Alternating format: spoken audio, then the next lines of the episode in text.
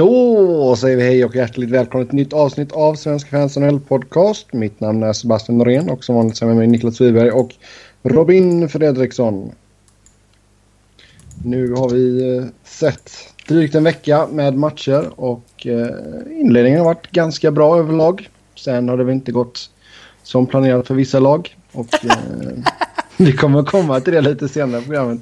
Men först och främst, vad har ni fått för första intryck här av säsongen?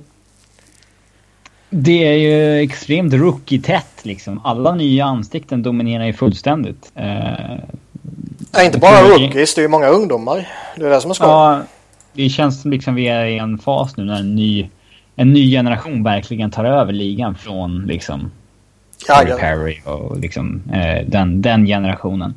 Eh, det är ju kanske ja, det är ju liksom genuint så att spelare som Mark Stone och de här har liksom passerat Corey Perry och dem. Så att, eh, det är ju en häftig tid för ligan nu.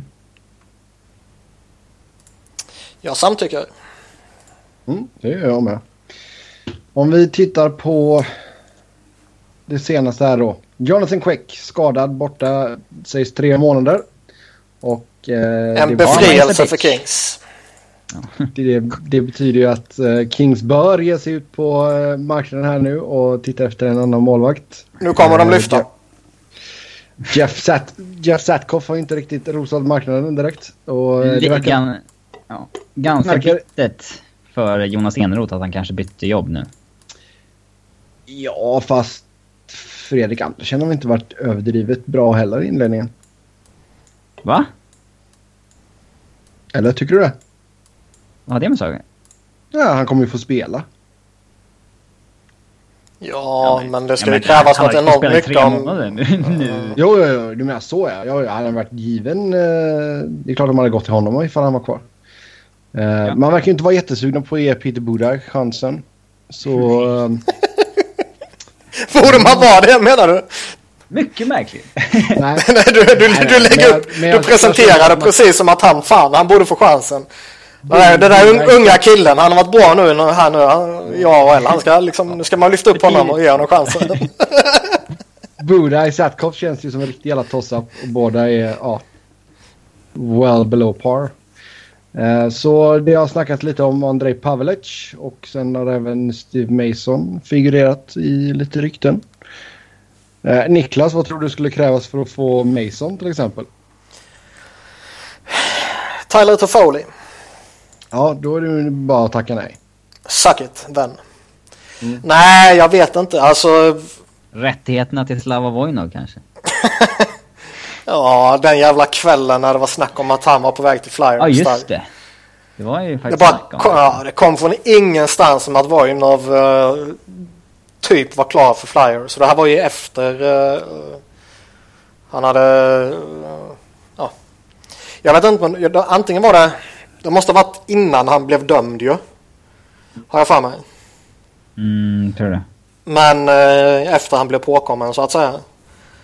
Eh, och så var det ju snack om att han var på väg till Flyers av någon jävla anledning. Och det var ju total kaos där en kväll. Det var riktigt jävla hemskt.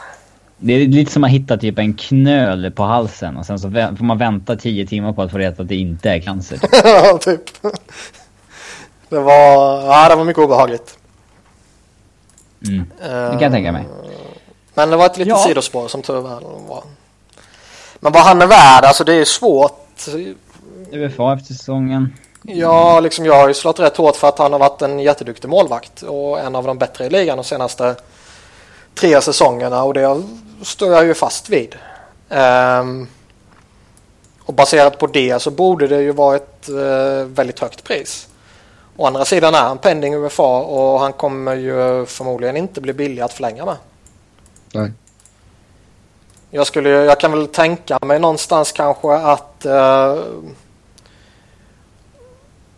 den, vad ska man säga, den absolut det absolut lägsta det är ju nog någonting som Devan Dubnyk fick. Och han fick ju fem eller sex år på strax under 4,5. Får man Mason på det så tror jag det är liksom bästa möjliga scenario. Jo, Och det är jag, sant. och jag tror väl inte direkt att bästa möjliga scenario kommer ske. Men tror, alltså, känner du att man... Nu blir det lite flyers här då, men skitsamma.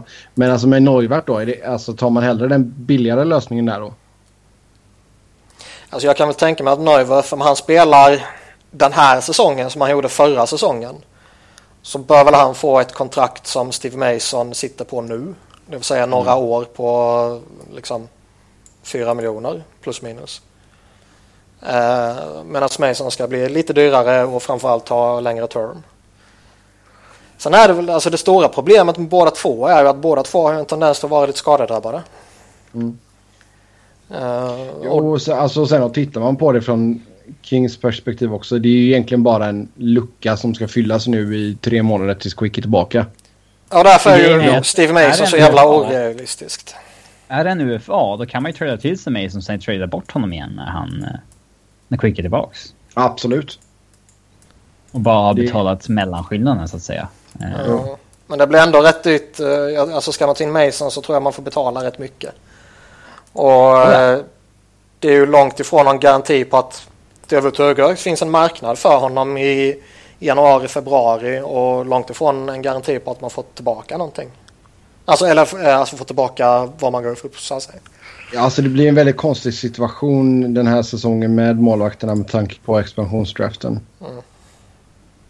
Sen eh, kan de ju inte välja 20 målvakter men det, med tanke på att alla lag måste lämna en målvakt öppen så... Mm. Uh, Pavelic då? Ja, jag vill se det. Fan vad jag vill att Pavelic ska hamna i Kings. Ja, Pavlic kan ju ha så här en okej okay säsong. Liksom, han har ju Men grejen är att man, man, vill ju att han hamnar i Kings och man vill ju att Kings, att Sutter lyckas liksom få ordning på dem och de börjar vinna. Och hastigt och lustigt så dopas hans siffror på samma sätt som Jonathan Quicks siffror har dopats under alla år. Eh, och så helt plötsligt framstår Pavlic som en jätteduktig målvakt och så måste Sebbe sitta i den här podden och säga hur fantastiskt duktig Pavlic är. Det de kommer, aldrig de kommer ju inte förlänga med Pavlic då i och med att nej, de har nej, Quick eh, på ett extremt långt kontrakt. Jo, jo, alltså Quick är man ju fast med. Ja, det är bara att sympatisera med er. Nej, vi sympatiserar inte. Men... Eh, mm. Det är ju ja. ett tufft slag för Kings för även ifall inte Quick är elit så är det en så... LA's bästa målvakt. Ja. LAs bästa målvakt med uh, råge. Ja, det är klart att det är ett slag att tappa sin första mål som är uppknuten ja. på 5,8 miljoner. Så, så är det ju definitivt. Så länge han inte heter Jimmy Howard och man har Peter Mrazek bakom. Men ja. uh, det har man ju inte. Att, men de, de, eh, bör, de bör ju gå efter en målvakt. Ja, ja men de...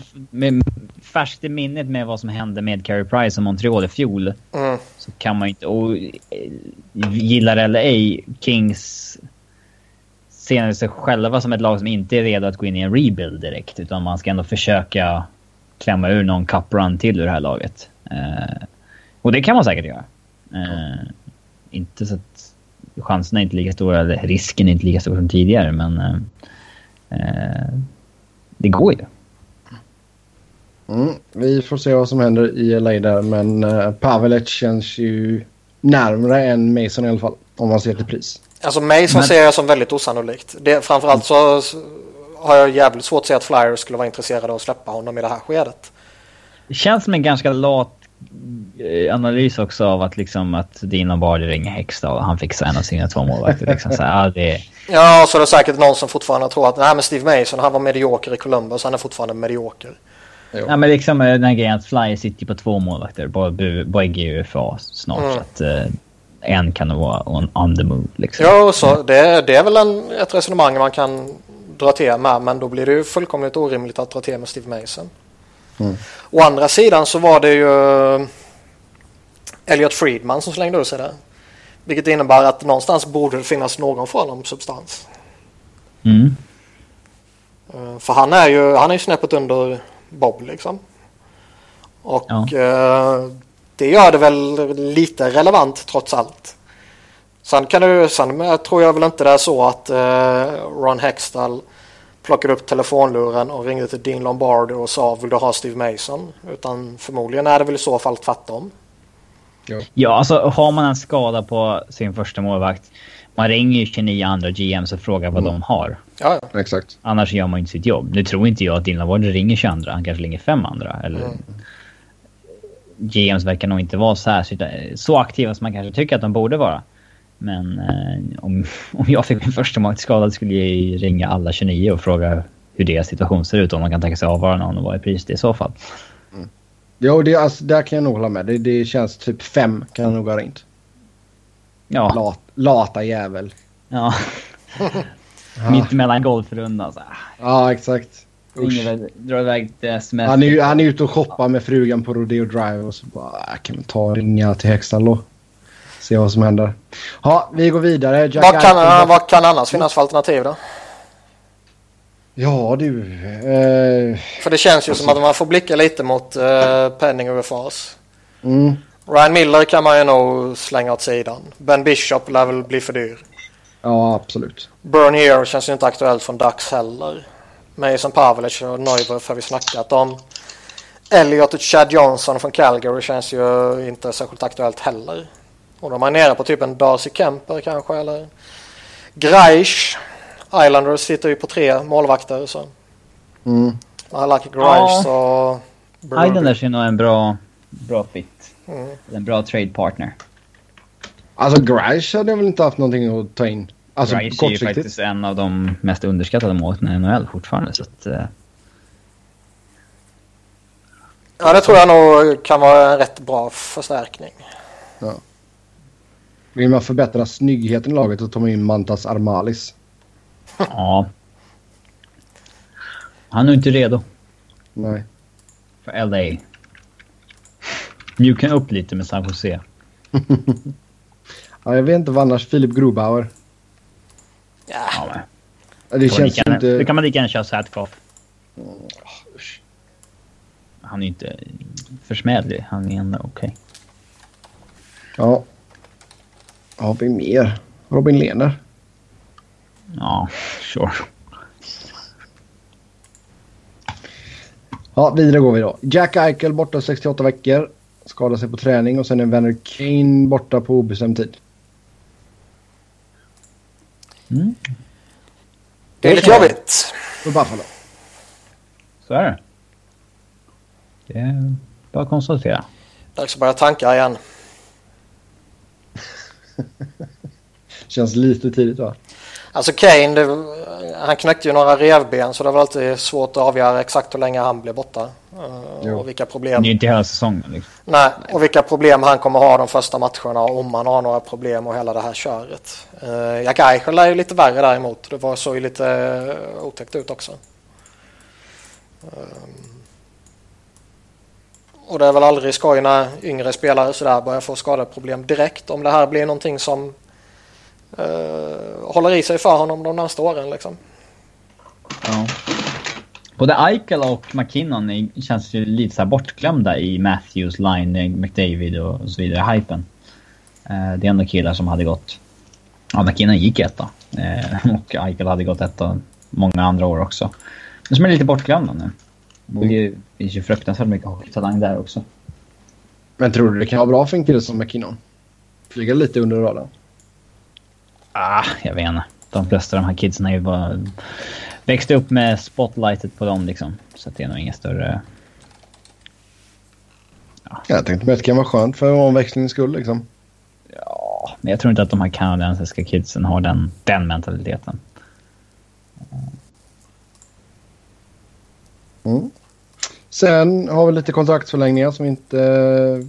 Ja, som blev gjorda här precis innan vi satte igång säsongen. Nikita Kucherov, Tampa Bay, tre år. Eh, strax under 4,8 miljoner capita. Ja, ett helt sjukt bra kontrakt. Eh, det är ju bara... Jag menar, Steve Eisenman leker ju med elden, men så länge han kommer ut som vinnare så är det ju jättebra liksom. Det, så är det ju. Eh, man knyter alltså upp Kucherov under 5 miljoner under hans prime-år när man kommer vara en contender. Det är alltså... Och han är fortfarande RFA efter det. Det är bra bis. Det är ju jättekonstigt. Allting är jättekonstigt. Ja, alltså... Alltså det, är- det är grymt gjort ju. Men Han ska ha sju liksom. Alltså, Ja. Alltså okej, okay, okej, okay, okay, att han går med på att, ta, på att inte gå in på sitt stora kontrakt nu. Då ska han ha ett uh, år på 4,5. Ja, exakt. Ja, exakt. Det är det jag tänkte komma till. För det, det kan alltid, man kan alltid sälja in det så här att ja, men vi har den här lönesituationen. Vi har nu signat ett ettårskontrakt och så...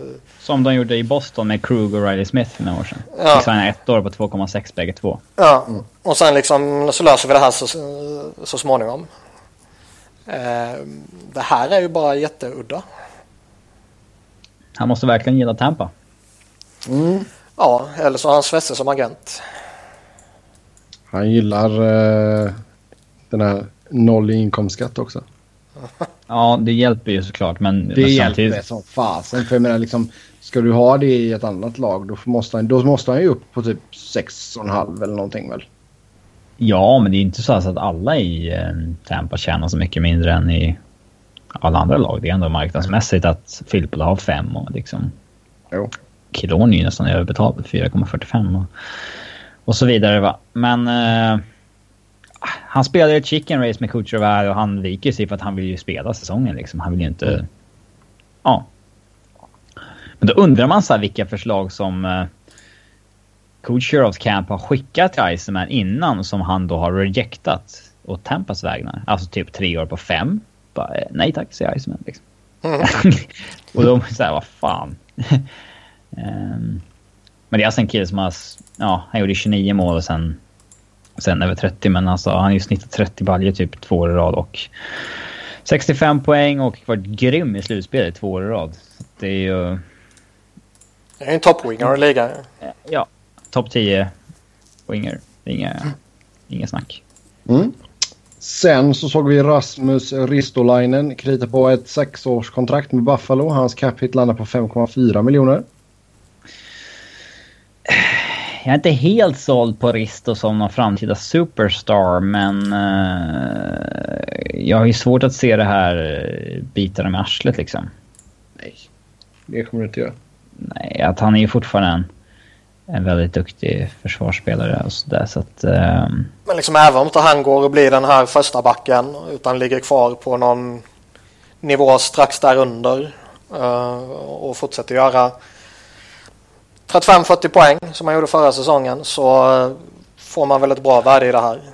Mm. Ja, så är det väl. Uh, jag hade kanske gått Bridge Deal-vägen med honom, men... Uh, inte ofta jag skulle föredra det, men... Uh, men känns det inte som att sannolikheten för att det går ett år eller två och sen tar han en jävla utveckling. Känns det inte som att den sannolikheten är större än risken att han kraschar? Jo. Jag vet inte. Så det... Nu är du så här Stockholms pessimistisk igen. Pessimistisk? Pessimistisk. Cyniska 08. Jag är inte helt övertygad, men jag, jag är svårt... Jag tror inte att de kommer ångra det här kontraktet, men... Eh, Nej. Sen jag tror att han kanske har lite för gott rykte mot vad han faktiskt är. Ja, han är ju ingen bonafide nummer ett nu. Det är han ju verkligen inte. Ehm, men potentialen finns där absolut. Ja, alltså det problemet är, eller hans scoring verkar ju vara där. Det är spelat i övrigt som eh, oroar mig lite grann, men eh, får se. Han är ju 21 och han har ju liksom tryckts in i en väldigt stor roll väldigt snabbt i Buffalo. Eh, mm.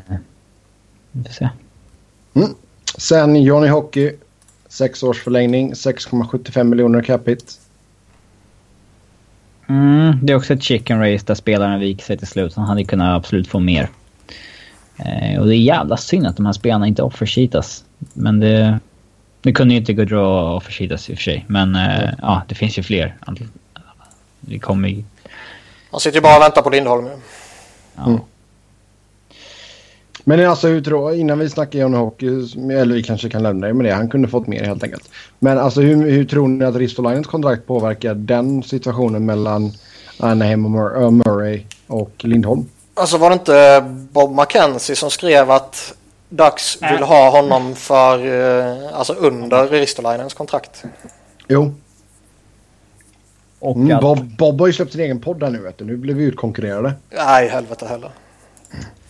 Han säger dessutom han. att Lindholms camp kräver någonstans kring 5,8 vilket känns ju oerhört snällt. Alltså extremt snällt. Det ska man ju bara ta då.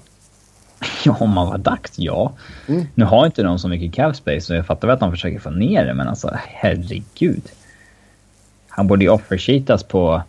Vad ligger kompensationen nu? Man kan väl gå upp till eh, bra bit och ändå bara komma undan med... Eh,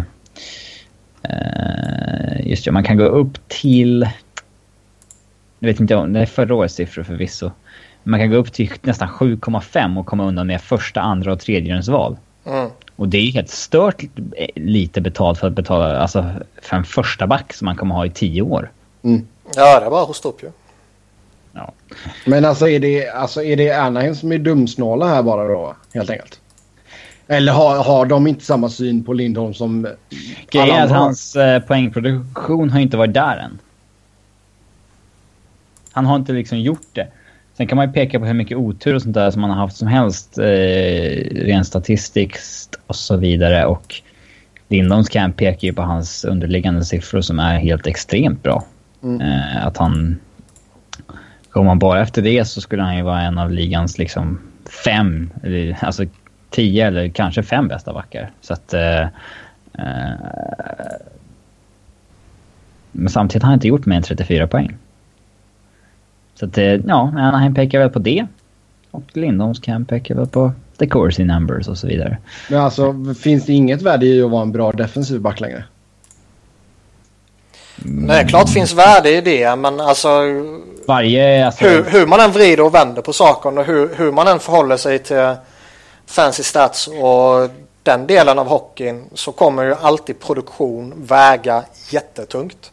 Oavsett om du bara är en gammal dinosaurie eller om du är eh, extremt inne i liksom, den nya fancy stats-eran så att säga. Så om man, tar de två, om... man tar de två ytterligheterna så kommer alltid poängproduktion väga tungt. Mm. Nej, för jag tycker även om man bara ser på Lindholm spela liksom. Det är, han, ända sedan han klev in i ligan så har han sett ut som en back för ett första par. Ja, det är klart. Men gör du inte poäng så gör du inte poäng och då kommer du behandlas på ett annat sätt. Mm. Och sen så är det ju så att Lindholm... Eh, alltså bägge camperna pekar ju på det som är till deras fördel såklart. Det är klart att de anser att Lindholm är grym. Jo men 5,8 känns ju billigt. Ja, men det sägs att de kan, kommer mötas kring 5,5 och kan de få ner ännu mer så varför inte? Nu har det gått väldigt, väldigt långt. Eh, det ja. borde ju löst det här mycket tidigare. Mm. Det, är, det som är... Det är ju minus till Murray det som är lite... Alltså... Tittar man i eh, Lindholms historik så har ju han liksom egentligen aldrig varit en, poäng, en poängproducerande spelare. Det talar ju lite emot honom. Alltså... I liksom...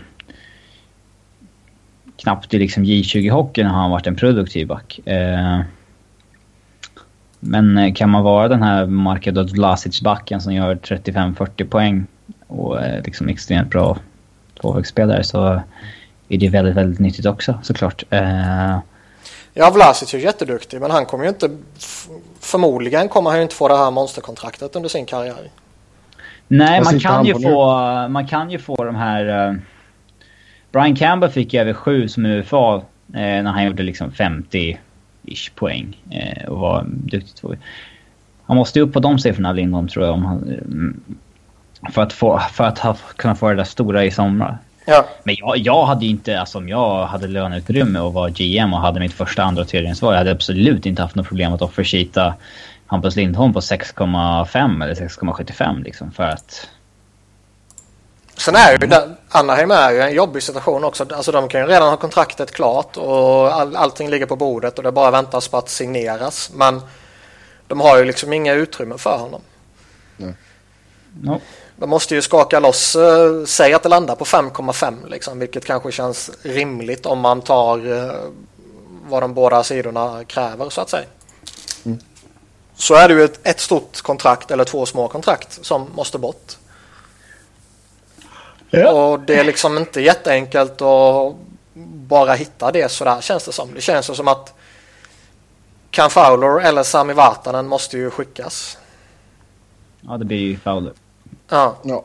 Och det räcker ju inte heller. Utan då, ja. jag, jag, tror att det räcker för de kommer eh, ha ett han Nate Thompson på injured reserve och sen så ja. Ja det är möjligt så men ändå liksom. Mm. Alla vet ju att kontaktar du Anaheim för att prata Cam Fowler eller Sami Vatanen eller Kevin Bjäxa kanske det är någon idiot som går efter också liksom. Så vet ju alla om att de måste verkligen skaka fram utrymme för att få in Hampus Lindholm. Vilket innebär att ingen kommer ju erbjuda en hockeytrade. Nej. Och Dax kan bara gå efter picks and prospects. Den kan inte ta, emot, ta tillbaka lön överhuvudtaget.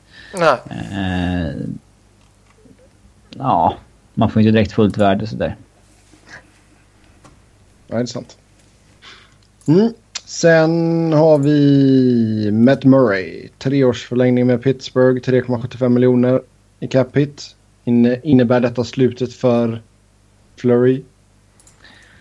Alltså Rutherford var ju ändå ute och sa idag att eh, det här liksom garanterar ju inte att Flurry eh, att det inte är Flurry som vi kommer satsa på liksom. Eh, utan han har varit vår målvakt här och han förtjänar att visa och bla bla bla liksom. Så det kan väl lika gärna vara att de tänker att vi säkrar upp Matt Murray här och så ser vi vem som är bäst och den som är bäst behåller vi, den andra tradar vi. Och Matt Murray som är uppsäkrad är väl förmodligen mer värd än en Murray som är pending RFA. Jo, det är klart. Det jag kan tycka är lite märkligt dock. Varför måste man signa upp honom nu? Några enstaka matcher in på säsongen när han dessutom är skadad. Innan hans värde stiger förmodligen. Buy low. Ja, kommer hans värde stiga? Ja, han kommer vara jätteduktig när han spelar. Så att... Ja, men kommer han vara så pass duktig eller liksom kommer hans stats sjunka? Alltså jag, jag, jag, tycker det är en duktig målvakt så jag menar inte så. Jag tycker det är han som Pittsburgh ska satsa på. Men vad har snubben gjort? 40 matcher liksom? Ja, men... Um... Om ens det? Nej, inte ens det. Tanke på hur han har dominerat i AHL och sådär så hade nog inte jag haft någon större oro. Nej, inte jag heller. Men det är väl enda som är värt att reflektera över. Att uh, varför nu? Varför inte vänta? Han är RFA, det är liksom ingen panik på det sättet. Och... Alltså var, varför nu gällande Fleury? Ja, det är ingen mening att trada Fleury nu innan Matt Murray verkligen har tagit spaden. Men Nej, det är inte det jag menar. Det är ju så... inte konstigt att man signar Murray, uh, Murray nu. Nej, inte konstigt. Men det är det enda jag reflekterar över. Varför hade man så bråttom? Det är ju rätt starkt vote of confidence. Ja. Mm. Ja, det handlar ju om att få honom så billigt som möjligt. Ja, jo, det, jag fattar ju varför man gör det. Det, det är inte så att jag är dum. Inte Nej. i det här fallet. En som fick pyttelite mer betalt än Murray, det var Rickard Rakell. En sexårs förlängning på 3,8 miljoner. Ja, eh, intressant kontrakt. Eh, det, jag såg någon stats snubbe på Twitter som skrev typ jag förstår inte varför spelare går med på att signa de här långa kontrakten så här billigt. Uh, uh, visserligen har RFA typ inget leverage men ändå varför signar de så billigt så långt? Men sen, en del av mig kan också känna att Lin, äh, Raquel är 23 bast och han har gjort 29 mål på 165 NHL-matcher. Kan han säkra upp 200 millar de kommande ja, sex åren så tar man nog det. Ja. Det är ju ohyggligt mycket pengar. Ja, alltså jag ser egentligen ingen anledning till han, varför han inte skulle signa det här. Alltså han kan Visst, skulle han ha en liknande säsong igen så skulle han kanske... Jag vet fan om man skulle få mer ändå. Alltså det är ändå bara en 40 poängsspelare. Alltså jag tycker han är jätteduktig men... Det är fan långt kontrakt på rätt mycket pengar där. Det... Mm. Är mycket säkert att man får det. det och det, verk, ja, alltså, det verkar ju som att uh, svenskar värderar det rätt högt. Ja, men det finns ju många spelare som har gjort så här... Eh, ja, men liksom 40 poäng och haft goda possession-siffror när de är i 23-24 års ålder, men sen kanske fallit av. Ja, eller fortsätter vara det hela säsongen, eller hela karriären, men aldrig skriver något jättekontrakt. Ja, typ Lee Stempniak och sådana där spelare. Ja. Alltså Chris, det är inte omöjligt att Raquel får en karriär lik Chris Versteegs liksom. Mm. Eh, eh, och han... Han hade nog gärna signat ett sånt där kontrakt tidigare. Nu hade, fick han ett bra kontrakt i Florida men han har ju fått signa billigt sen dess trots att han levererat liksom. Mm. Mm. Så säkerheten där för Rakell som fortfarande inte är helt återställd efter sin operation här innan World Cup. Um, sen ska det ju fixas med visum och skit också. Det är ju det som är lite grej med Lindholm där också. Jag menar, liksom, även ifall de kritar på det idag så kommer det ta typ två veckor innan han är tillbaka. Jo, Mm, det, det det måste man ju också fatta liksom. Och det går ju inte jättebra för Dax precis. Men det kommer vi till snart. Först så Niklas Grossman spelar till sig ett kontrakt med Calgary. Ett år 575 000. Ja, eh, jag kan... Eh, alltså ett år på 575 000 är ju aldrig ett problem om man inte sitter på väldigt många kontrakt liksom och offrar det sista på honom. Mm. Och han är kanske duktig liksom runt om i laget och så vidare. Så jag, jag kan väl... Det är ju en kille som är helt slut. Det finns inget kvar där att hämta alls. Men alltså... Visst kan väl han vara värd 575 000? Det, det kan jag absolut ändå tänka mig. Mm.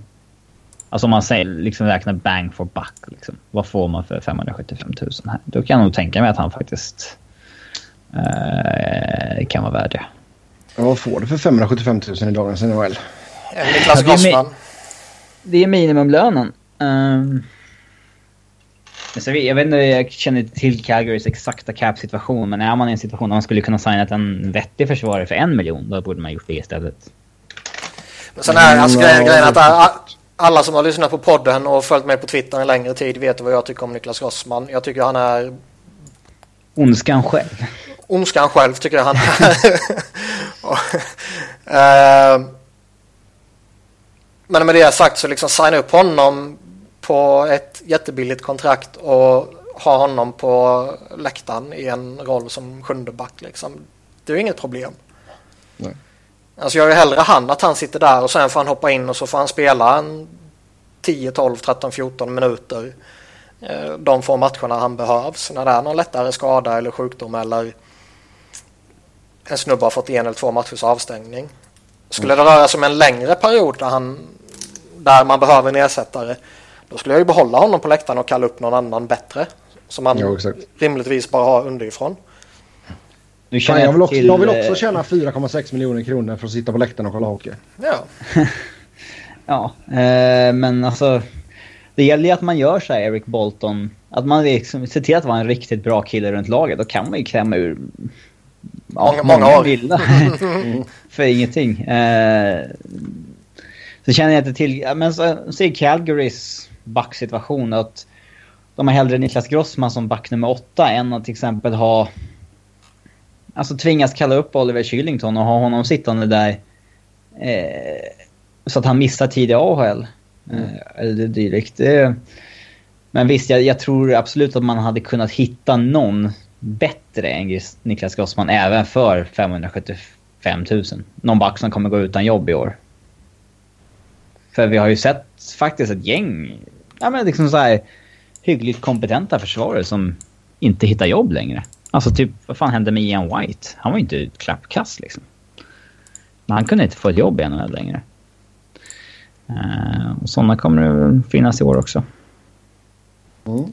Mm, han har känt några kulor ändå under karriären här Grossman. Jag tittar igenom hans eh, kontraktshistorik här.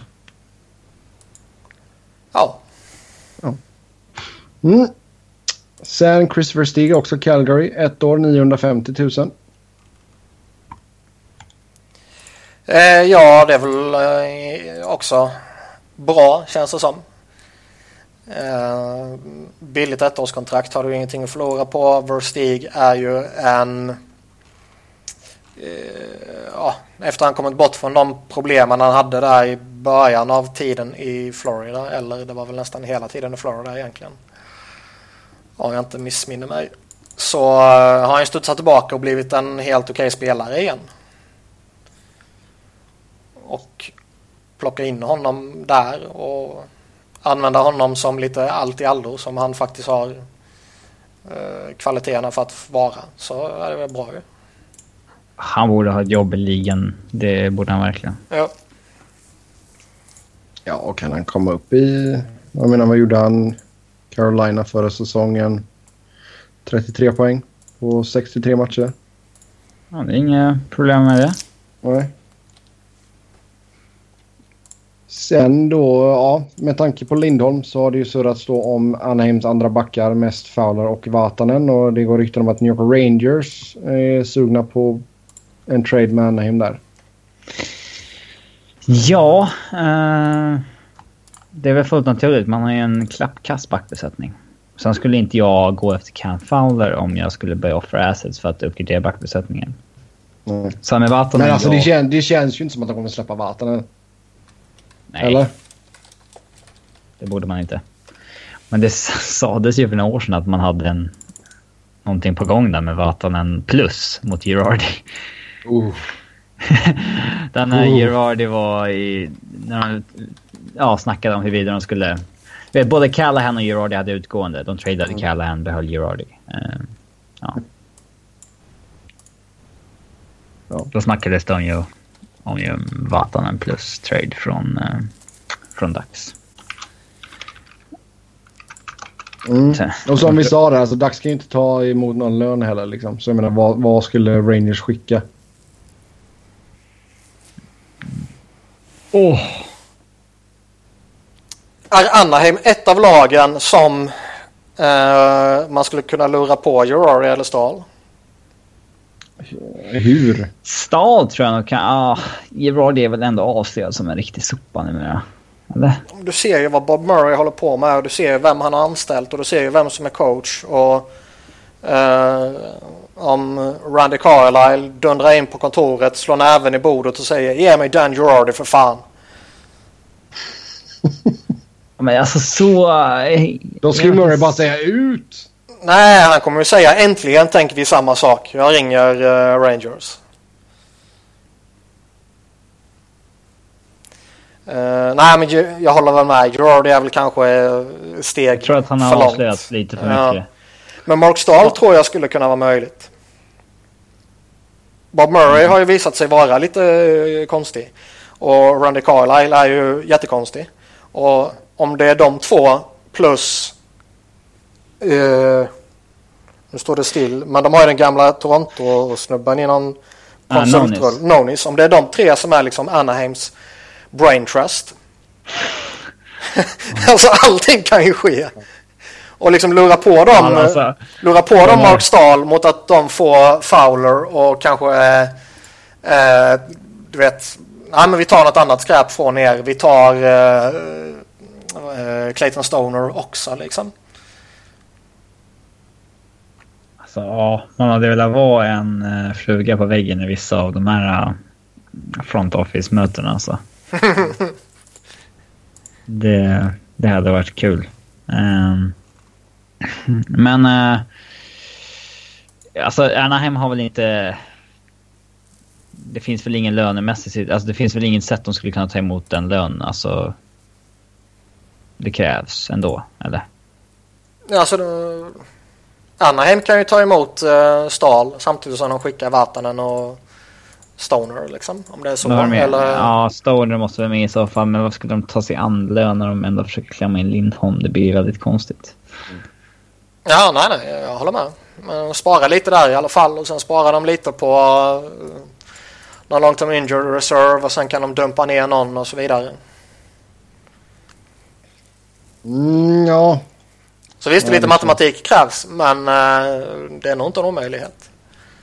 Litar du på att de kan klara ut det då? Uh, ja, Rangers får ju berätta för dem hur de ska göra. Men uh, om, man ba- om, man, om man bara pratar ur Rangers perspektiv att bara gå efter Cam Fowler och uh, offra liksom prospects och picks. Och vi har ju alla och alla med lite sunt förnuft har ju fattat hur eh, dåligt Rangers vilka dåliga beslut Rangers har tagit där mot slutet när man har offrat precis allting. Eh, fyra år i rad liksom. Och man fick inte ut ett skit av det. Eh, skulle man gått och vunnit så skulle det varit värt det tycker jag. Men eh, kan man göra det en gång till Och kan man göra det på en spelare som kan Fowler? Det hade varit tjänstefel alltså. Ja, tjänstefel vet jag inte om det skulle vara. Eh, men eh, det skulle inte vara liksom den ultimata sitsen. Nej. Mm. Alltså tänk dig ifall Columbus och Anaheim skulle göra en trade. Det hade ju blivit kaos. Ja, bägge lika stora. Alltså, lose, kon- lose ja, men tänk, ja, exakt. Ja, men tänk dig det konferenssamtalet liksom. Murray, Kekkelainen, Tortorella och Carlisle. Ja, det skulle fan vara episkt. Fy fan. Ja, på tal om Columbus så Gregory Campbell. Han vägrar rapportera till AHL och snackas nu om eventuell trade. Jag är rätt. Är man hjältarnas hjälte ska man fan inte spela i AHL. Det är så kul när så här riktiga character guys visar att de är... Jag är ingen character guy. Eh, man kan väl förstå honom. Eh, jag, ty- jag tycker väl mer att liksom blir du, blir du nedskickad så ska du väl eh, ta det och gå ner och visa att du är åt helvete för bra för AHL så att du kallas upp igen. Eh, Men han vet att det inte kommer gå. Nej, han vet väl hur det kommer gå eller inte kommer gå och då eh, vägrar han så att säga. Och eh, Men han går väl miste om en del pengar nu va? ja, det gör han. Men det är väl därför han, eh, eller de på något sätt försöker få fram en trade. Det är väl inte helt omöjligt att eh, de har gett tillåtelse till hans agent att försöka hitta en trade och så vidare. Men eh, det ska väl mycket till om han blir tradad känns det som. Mm. Han, var, han, var ju, han var ju faktiskt bra för några år sedan. Eh, att han har fått det här ryktet eller stämpeln på sig att han eh, bara är känd för att ha spelat ett byte med brutet ben. Liksom. Det är ju lite... Det är sant. Ja, ja, det är sant. Men det är ju lite ovärdigt också. För han var ju rätt duktig under några år. Ja, han var okej kanske. Max. Mm. Eh, men där är det ju långt Max. ifrån nu. Och jag ser väl inte riktigt att han fyller någon jättesits i ett riktigt lag. Liksom. Sen hade vi ett eh, gäng spelare som blev claimade på waivers. Eh, P.A. Parento blev upplockad av New Jersey. Teemu Pulkkinen gick till Minnesota och Claes Dahlbäck blev plockad av Carolina. För att nämna ett par. Ja. Undrar om det är... eh, Ja, vi fick en nyhet på Twitter precis. Mm. Breaking news, in med det. Brian Campbell expected to be healthy scratch. Oj, oj, oj, oj, oj. Fan vad gött. Det är ändå en, i mitt tycke en topp... Topp 20-back i ligan. Ja, det säger allt om din kompetens. Men ändå like coach. Jag, jag vet att han har haft en trög inledning på säsongen, Brian Campbell. Eh, att han, jag vet att han, Corey, uh, statsnummer på Twitter, Corey Schneider, eh, som Mm. tra- trackar många matcher, så där skrev att han hade väldiga problem med pucken eh, och så vidare. Men jag skulle nog ge Campbell bra jävla många matcher innan jag funderade på att helst scratcha honom. Fast det beror på lite också. Han börjar bli gammal. Alltså ba- bara för att du vilar Det kan en gå match. fort, ja. Alltså, Nej, det- nej men jag, jag menar inte så att han har liksom gjort en La Cavalier och klivit över klippan. Liksom. Jag menar mer att han är gammal. Bara för att han vilar en match här och där behöver inte det betyda att coach Q bänkar honom på det sättet. Det ser man ju dock sällan i hockeyvärlden att en liksom spelare liksom vilar. Nej, jag håller med dig. Men eh, någon gång borde ju någon jävla coach eh, eller GM eller både och eller vad det nu finns eller spelare själv fatta att det kanske kan vara gynnsamt när man är några år från 40 att kanske inte spela 82 matcher. Mm. Eh, och Men jag tror inte att det är det som har hänt nu. Nej, det tror inte jag heller, men det skulle ju kunna vara så. Och eh, coach Q är ju faktiskt en av ligans bättre coacher. Och är det någon som ska fatta Ja. det så kanske det är han. Men jag, jag tror väl också det här att han har haft lite problem och man väljer att peta honom. Och så får han eh, sitta och käka popcorn och reflektera över tillvaron. Och så får han sitta där en eller två matcher och sen är han tillbaka igen. Mm. För jag, jag, håller ju, jag håller ju med dig. Jag tycker Brian Campbell fortfarande är en väldigt duktig back. Och eh, jag är väl lite förvånad att haft den här inledningen. Men det kan ju också kopplas till att ja, han är gammal, han är lite segstartad kanske.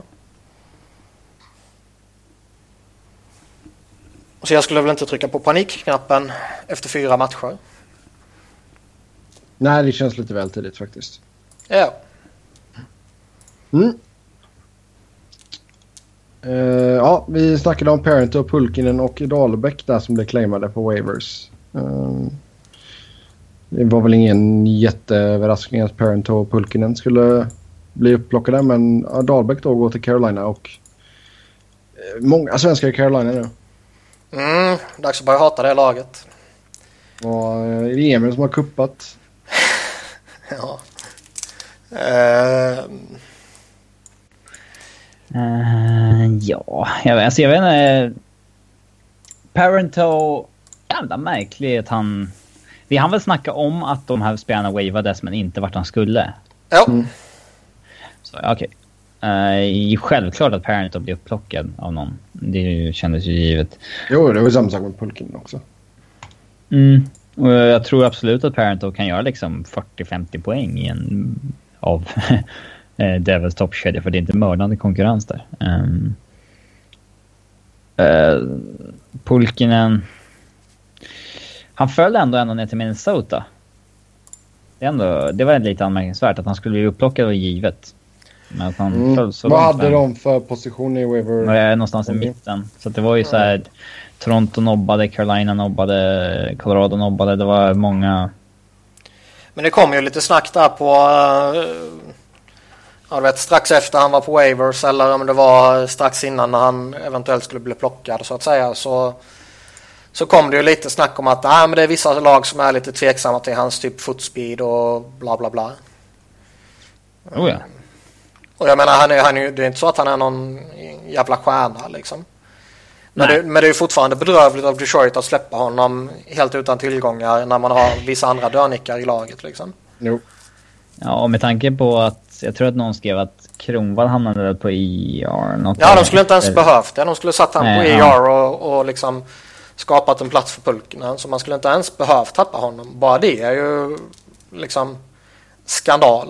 Och sen att man mm. väljer att tappa en, en, spelare som ändå har någon form av potential när du fortfarande behåller liksom Drew Miller och Steve Ott och det gänget. Det är ju jättekonstigt.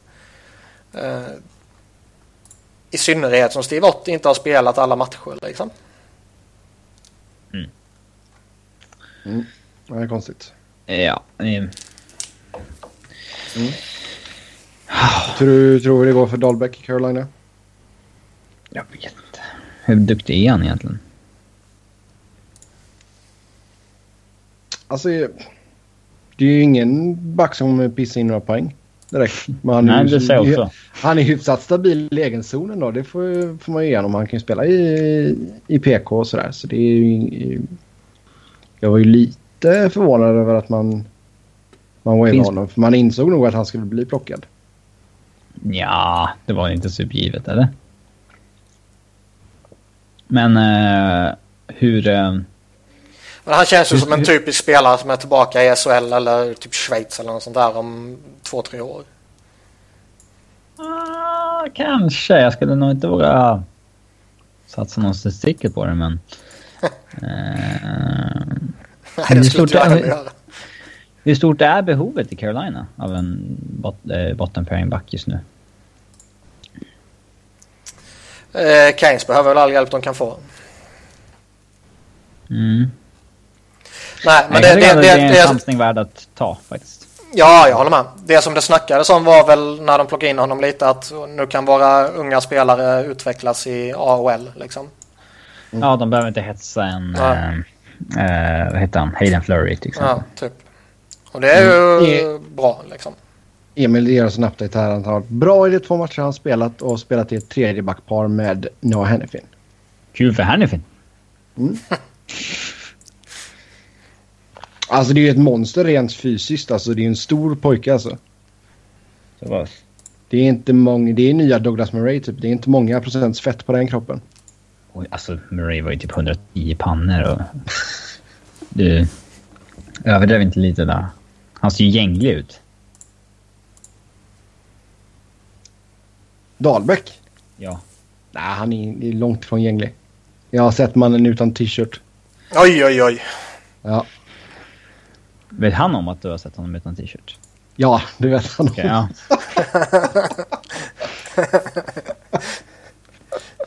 En som däremot såg extremt gänglig ut, det var ju... ehm, ah shit, nu blankar jag till och med på namnet. Um, Ja, gud, vänta en sekund bara. Du. Han är i Nashville nu. ja. Vi väntar Spelade, alltså på spelade, att... eh, spelade i Arizona innan. Mike Ja. Ribeiro. Ja, tack, tack. Vad var det han du menade? Ja, ja. Okej. Eh, alltså han såg ju sjuk ut. Han ser ut som han har eh, blåtid på bägge ögonen hela tiden. Så här, och, eh, han, han ser ju för jävligt ut. Riktigt spinkig. Så är det med det i alla fall. Då går vi in och så ska vi prata lite om inledningen för våra respektive lag. Och andra intryck från första veckan här. Och eh, först då är vi nöjda med våra respektive lag. Eh, ni kan ju alla gissa att jag kanske inte är sådär jättenöjd med Kings inledning. Eh, det sett riktigt bedrövligt ut faktiskt. Ja, det är gött. Ja. Ja. Så Men det är klart de kommer, alltså alla lag kommer få problem när eh, du saknar din, eller när du rättare sagt inte i alla matcher, men när du får din första målvakt skadad tidigt. Och när du redan dessutom har en Marian Gaborik som faktiskt såg jävligt fräsch ut under World Cup. Ja, när han då är skadad från början. Och sen har du Tanner Pearson avstängd liksom. på tal om Kings, eh, läste eller såg ni den där intervjun med Dean Lombardi? Nej. Jag fick han ju mycket eh, kritik för. Uh, Dean Lombardi Analytics.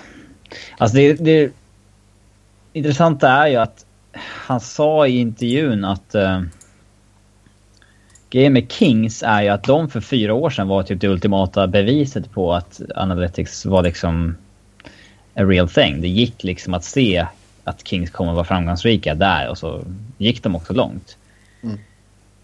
Och Lombardi säger alltså i den här intervjun att hans problem med att Analytics är att det inte går att se någon korrelation mellan framgång och bra siffror. Vilket är helt sjukt med tanke på att Ja.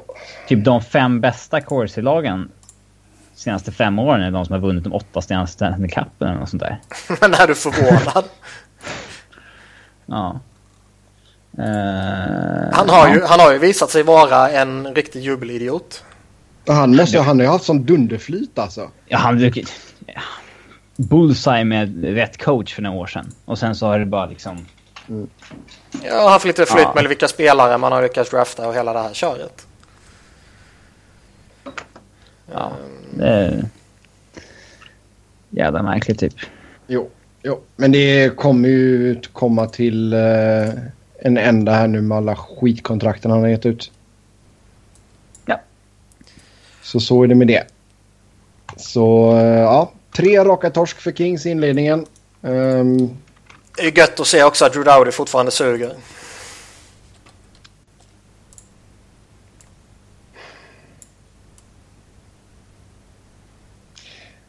det enda man kan ta med sig det är att man kan vara lite skadeglad att det gått dåligt för Anaheim också. Men eh, nej, man måste hitta på någonting här snabbt och det känns väl inte som att nattens match mot Dallas kommer vara matchen där det vänder tyvärr. Nu känns det ju så jävla garanterat att Kings kommer gå in och vinna med 5-0 eller någonting. Det hade varit fint, men eh, det tror jag inte. Eh, men sen samtidigt, alltså jag tycker ju inte man ska ha någon jävla tokpanik heller. Just med tanke på att, visst men alltså som vi pratade om tidigare, man börjar gå efter en målvakt och man börjar ha relativt bråttom att gå efter en målvakt. Men utöver det så tycker jag inte det finns någon, eh, något fog för någon superpanik liksom. Det är som jag sa, man har ändå Gabrik skadad och Tanne Persson har varit borta. Eh, och det har varit, vad har man hunnit spela, tre eller fyra matcher? Tre. Tre. Alltså liksom det är ju...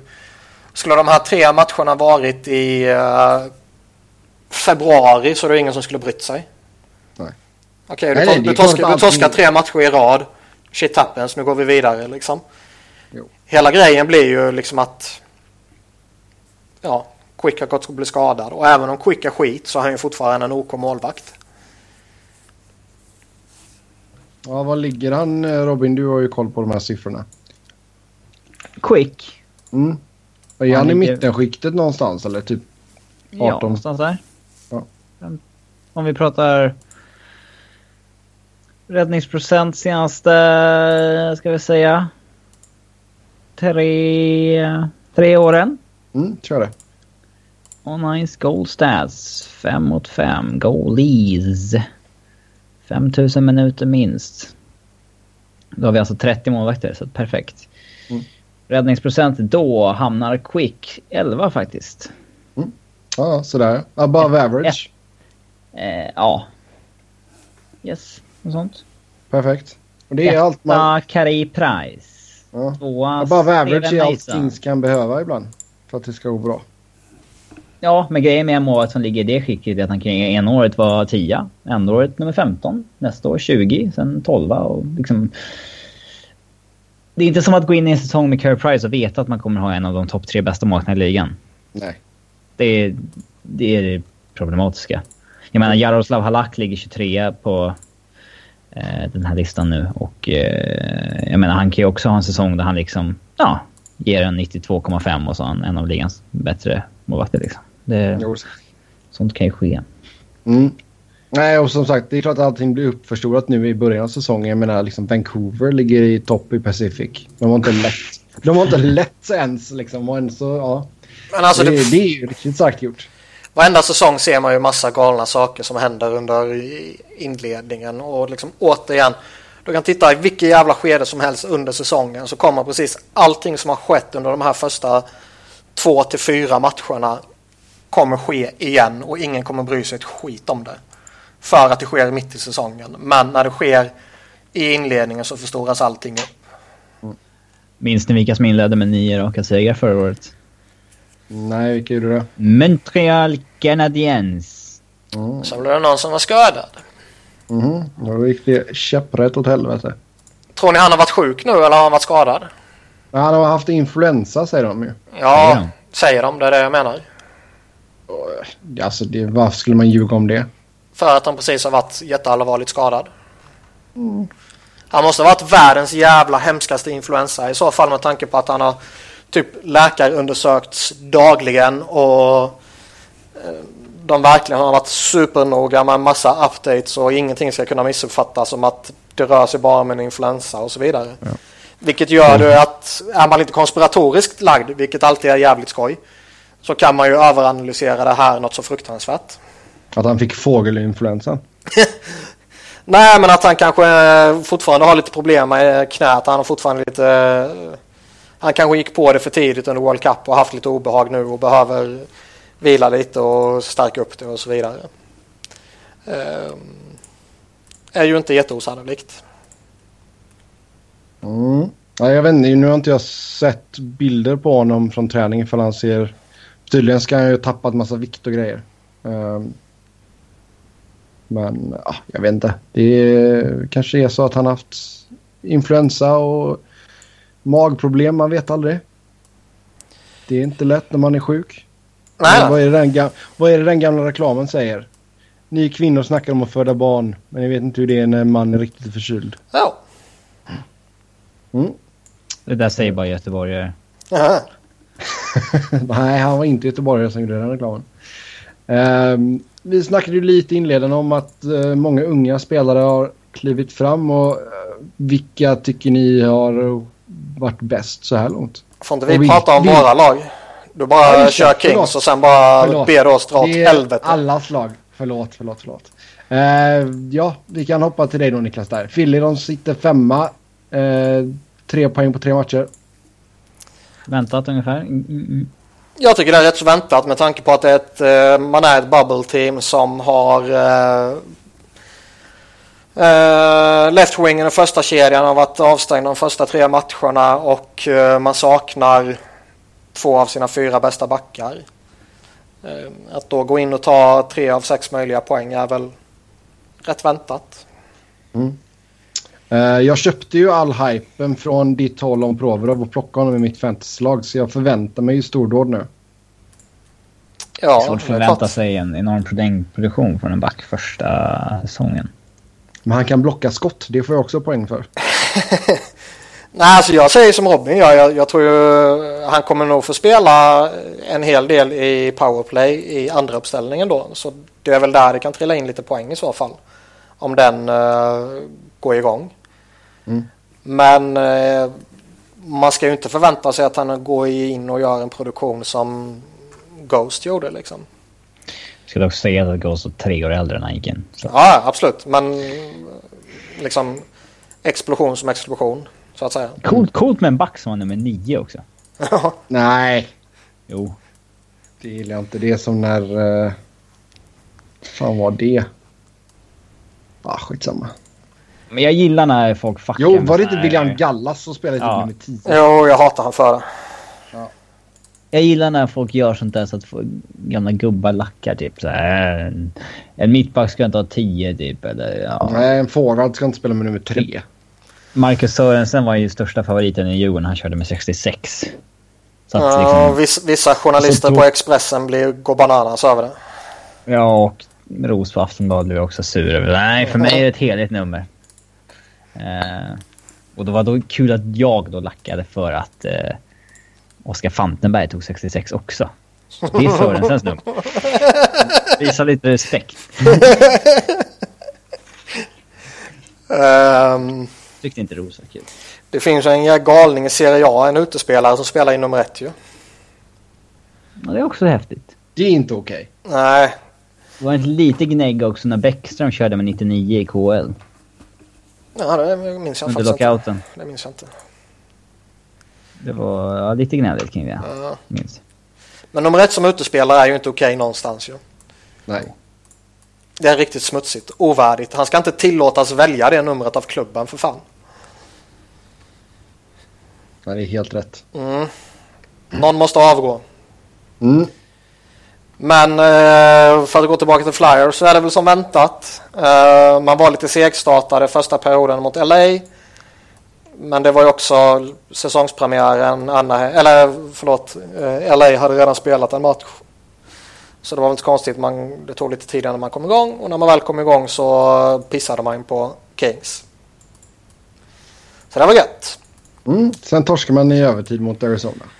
Ja, spela inleder säsongen back-to-back. Då tar du liksom tre av fyra poäng då så tycker jag man ska vara jävligt nöjd. Mm. Uh, Chicago var ju en jävligt udda match där man inte alls är bra och hamnar i jättestort underläge. Och sen helt hastigt och lustigt spelar skitbra och kommer igen till 4-4 och sen tappar allt igen liksom. Mm, 7-4 blev det till slut till Chicago. Ja, så det var väl en lite sån här typisk eh, flyera-match. Där man varvar precis allting eh, bra med allting dåligt. Och mm. Den här matchen hade faktiskt eh, Provorov lite problem. Eh, där han kanske vissa situationer uppträdde som att han hade lite mer tid än vad han egentligen hade och så vidare. Och det gick lite för kvickt för att han skulle kunna göra det han ville göra och så här. Men det är liksom... Shit Hellre happens. det än att de... Liksom tvärtom. De börjar spela enkelt när, man, när de egentligen har tid. För att de är rädda att göra misstag liksom. Mm. Ja. Eh, så, ja. Och det är nu det blir intressant att följa honom också. Att hur, hur kommer han ta nattens match till exempel och kommande matcher just med det du säger. Att kommer han börja safea och fegspela och kommer han bli beordrad att safea och fegspela eller kommer de bara släppa loss honom igen och så vidare. Mm, jag hoppas man säger till honom att köra. Ja, exakt. In och köra. In och köra. Det är det man vill se. Mm, sen då, eh, sist men inte minst, Colorado. The Mighty Avalanche. Eh, jag kan säga alltså... Det enda som är värt att ta med sig från Avs inledning det är ju faktiskt tacklingen som Matt Duchene åkte på. Av eh, ja, den, eh, Av Orlov. var helt galen alltså. Den var så mäktig. Eh, men två vinst och en torsk är ju över förväntan när man har mött Dallas, Pittsburgh och Washington. Det är korrekt. Och eh, i natt möter man Tampa. Och skulle man gå two in two så att säga på den här fyra matcherna så är det fortfarande över förväntan. Eh, så att eh, det... Nej men man har ju inlett bra helt enkelt. Det ser lovande ut men det är en lång jävla väg att vandra den här jävla divisionen så att... Eh, jag är väl lite, lite... Det jag inte riktigt gillat hittills är väl att de litar väldigt mycket på François Bau. fortfarande men coacherna kommer ju alltid gilla de där veteranerna liksom. Det kommer man inte ifrån. Uh, när, när får vi se Rantanen? Jag vet inte. De satte ju honom i AHL för att han var skadad hela försäsongen och de ville att han ja, skulle få en försäsong där så att säga oj, och sen komma up to speed. Uh, och... Uh, ja, vi får se. Men jag gillar nya coachen Jared Bednar. Alltså... Han, eh, han har jobbat sig upp till den här, det här jobbet via en fin coachingkarriär och inte något namn att luta sig mot. Och, jag menar, Cody McLeod har inte varit helt i scratch på flera år. Och han eh, får A1 fråntaget på sin tröja och är helt i scratch första två matcherna. Eh, sånt gillar man ju. Det är ju ett statement. Ja, men då är liksom... Kom in och rör om lite i grytan. Ja, men man skiter i liksom... Han har varit assisterande kapten i fem år liksom. Ja. Eh, det är, att, att man skiter i sånt. Ja. man vill ju att de ska ta ut de som är bäst liksom. Jo, så, så, så är det Sen kanske han fortfarande borde spela om man ska vara helt ärlig. Jag menar, Rennie Bork är nog inte bättre om man ska vara ärlig. Men... Uh... Mm, men, just det, man signar ju både René och Gabriel. Mm. Hur har de sett ut? De har sett okej okay ut. De som ser bäst ut är Joe Colburn som gjorde hattrick första matchen. Det var väl eh, ganska otippat. Mm, det hade man nog kunnat casha in en del pengar på. Ja. Uh, nej, men det ser, det ser bra ut för Avs. De, uh, två bra målvakter, en bra backsida och inte särskilt bra forwardsdjup. Men kan Bednar få igång eh, uh, uh, coren på ett sätt som inte Rock kunde så uh, kan de ändå bli ett skrällag. Alltså, egentligen om man kollar på de olika lagens roster så har ju inte Avs liksom ett... Ja, men titta på Dallas kedjor. Är de verkligen bättre än än Avs liksom. Visst, de har ju Sagan och Ben som är bättre än alla Avs, men eh, mm. det är inte liksom ett gigantiskt jävla steg ner till McKinnon och Duchene och dem. Så att... Uh, plus att Avs har bättre bredd bland de bra spelarna, tycker jag. Uh, plus att man väntar ju fortfarande på Matt Duchene. Han är den enda som inte riktigt kommit igång i inledningen. Så att det finns mer att hämta. Fruktansvärt mm. tråkiga att titta på tycker jag. McKinnon är ju jätterolig såklart ju. Men i övrigt är Avs ett tråkigt lag att titta på. För att de spelar en tråkig hockey eller vadå? Få flashiga spelare. Alltså Landeskog är ju jätteduktig och Duchene är ju jätteduktig och Carl Söderberg har ju gått och blivit uh, helt okej okay och Eric Johnson är bra och hela det här köret men liksom det är bara McKinnon som är en riktig wow-känsla. Jag, har, alltså, jag, jag gillar att kolla på om man går igenom laget så gillar jag ju... Varlamov är ju lite den här quick-typen av målvakt som är liksom flashig att följa så att han... Ja han men jag snackar utespelare nu. Varlamov kan jag hålla med om. Men, ja, eh, McKinnon är ju såklart en av... Jag tycker både McKinnon och Duchene är en av ligans mest sevärda spelare och sen så gillar man ju att se backa som Tyson Barry. Eh, Sen så, jag har ju såklart ett större intresse än er, men jag är ändå väldigt spänd på att se spelare som Grigorenko, Weirkarch och såna här spelare som haft ja, Nikita jo, Sadorov. Eh, men det är ju sånt man tänder till på som supporter för ja, laget liksom. Jag vill ju se Rantanen. Ja, och Rantanen kommer ju upp snart och... Jag, jag, är, jag är ju liksom jättesugen på att se Boyd Gordon. Men det förmodar jag att du inte är Robin.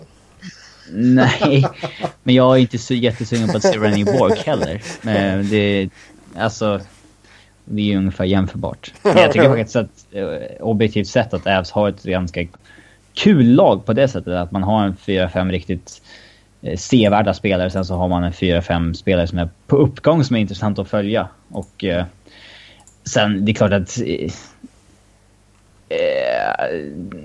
en sån som är Ginla lockar ju ändå folk Inte också. längre. Jo, för att han Ja, är är. och det är liksom nostalgiskt av att se den killen som han spelade med på NHL 96 liksom. Eh, Jo, men det kan jag hålla med om. Eh, man har ju hellre honom än liksom... Det är ju roligare att se honom skjuta i ett powerplay än att se liksom... Inte fan vet jag. Christopher Stig liksom. Som kanske hade varit en bättre spelare men... De spelarna lockar ju ändå lite grann liksom. För det är lite nostalgikänsla kring dem. Ja, ja.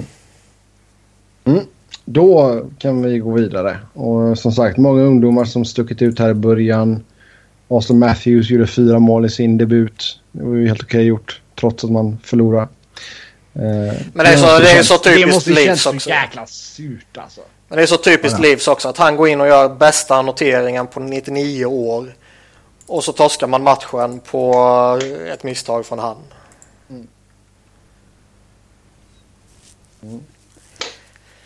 Där, däremot tycker jag alltså det... Om man bara pratar den matchen så tycker jag ju att man kan ju inte snacka bort fyra mål. Det går ju inte. Och han var givetvis grym. Men jag tycker nästan att Mitch Marner står ut på ett tydligare sätt. Leeds har något intressant på gång. Ja. Alltså, det, Alltså Matthews, det var ju mer något mål står han på rätt plats och sveper in den och han blir frispelad och lite sådana här grejer. Men det är andra målet som är eh, riktigt vassa när han tunnlar två spelare i mittzon och ja, exakt. in den i zon. Sen så stjäl han den från Erik Karlsson och... Eh, Ja, det var riktigt snyggt. ja. Eh, Men Mitch Leeds- Marner gjorde ju sånt typ hela tiden. Då Ja, har han något skott i ribban tur. och något tätt var mycket- utanför och sådana här grejer. Ja, han är bara 19. Mm. Det känns ju redan kriminellt om de skulle skicka tillbaka honom till juniorerna en säsong till. Ja, det går fan inte. Eh, eh, det måste vara slöseri med ett år liksom. Mm. Det, ja. ja, hur som helst. Eh, Nej, ja, Marner li- absolut. Nu- Nylander har sett bra ut också. Alla Oh, ja. tre har ju sett bra ut men det är ju framförallt Matthews och Marner som har stått ut. Sen kommer ju inte Nylander vara någon Babcock-favorit, men eh, Nej, nej. Babcock får stå ut. Ja, herregud. Ja, Patrik Laine gjorde sitt första hattrick i, vad blev det, hans tredje eller fjärde match? Kul att det var mot Toronto också. Och Jets-fansen sjunger “Line is better”. Alltså det är ju ingen snack om att Laine kommer vara en ruggigt bra spelare. Ja, det kommer han vara. Ja, och sen är det ju som vi har pratat om några gånger nu att eh, Jets har något fantastiskt spännande på gång. Mm. Frågan är Mm, bara det är när allting att- går igång. Men det är enklare att gå in i Jets än att gå in i Toronto. Matthews går in och får uppdrag att bära Leafs direkt. Ja, ja herregud. Eh, Line går in i och ja, tar rygg på Nikolaj Ehlers och Blake Wheeler och Shifley och Perreault och alla de här liksom Little och de riktigt stabila spelarna som finns där redan. Mm. Ja, Nikolaj Ehlers är en superintressant spelare också liksom. Mm.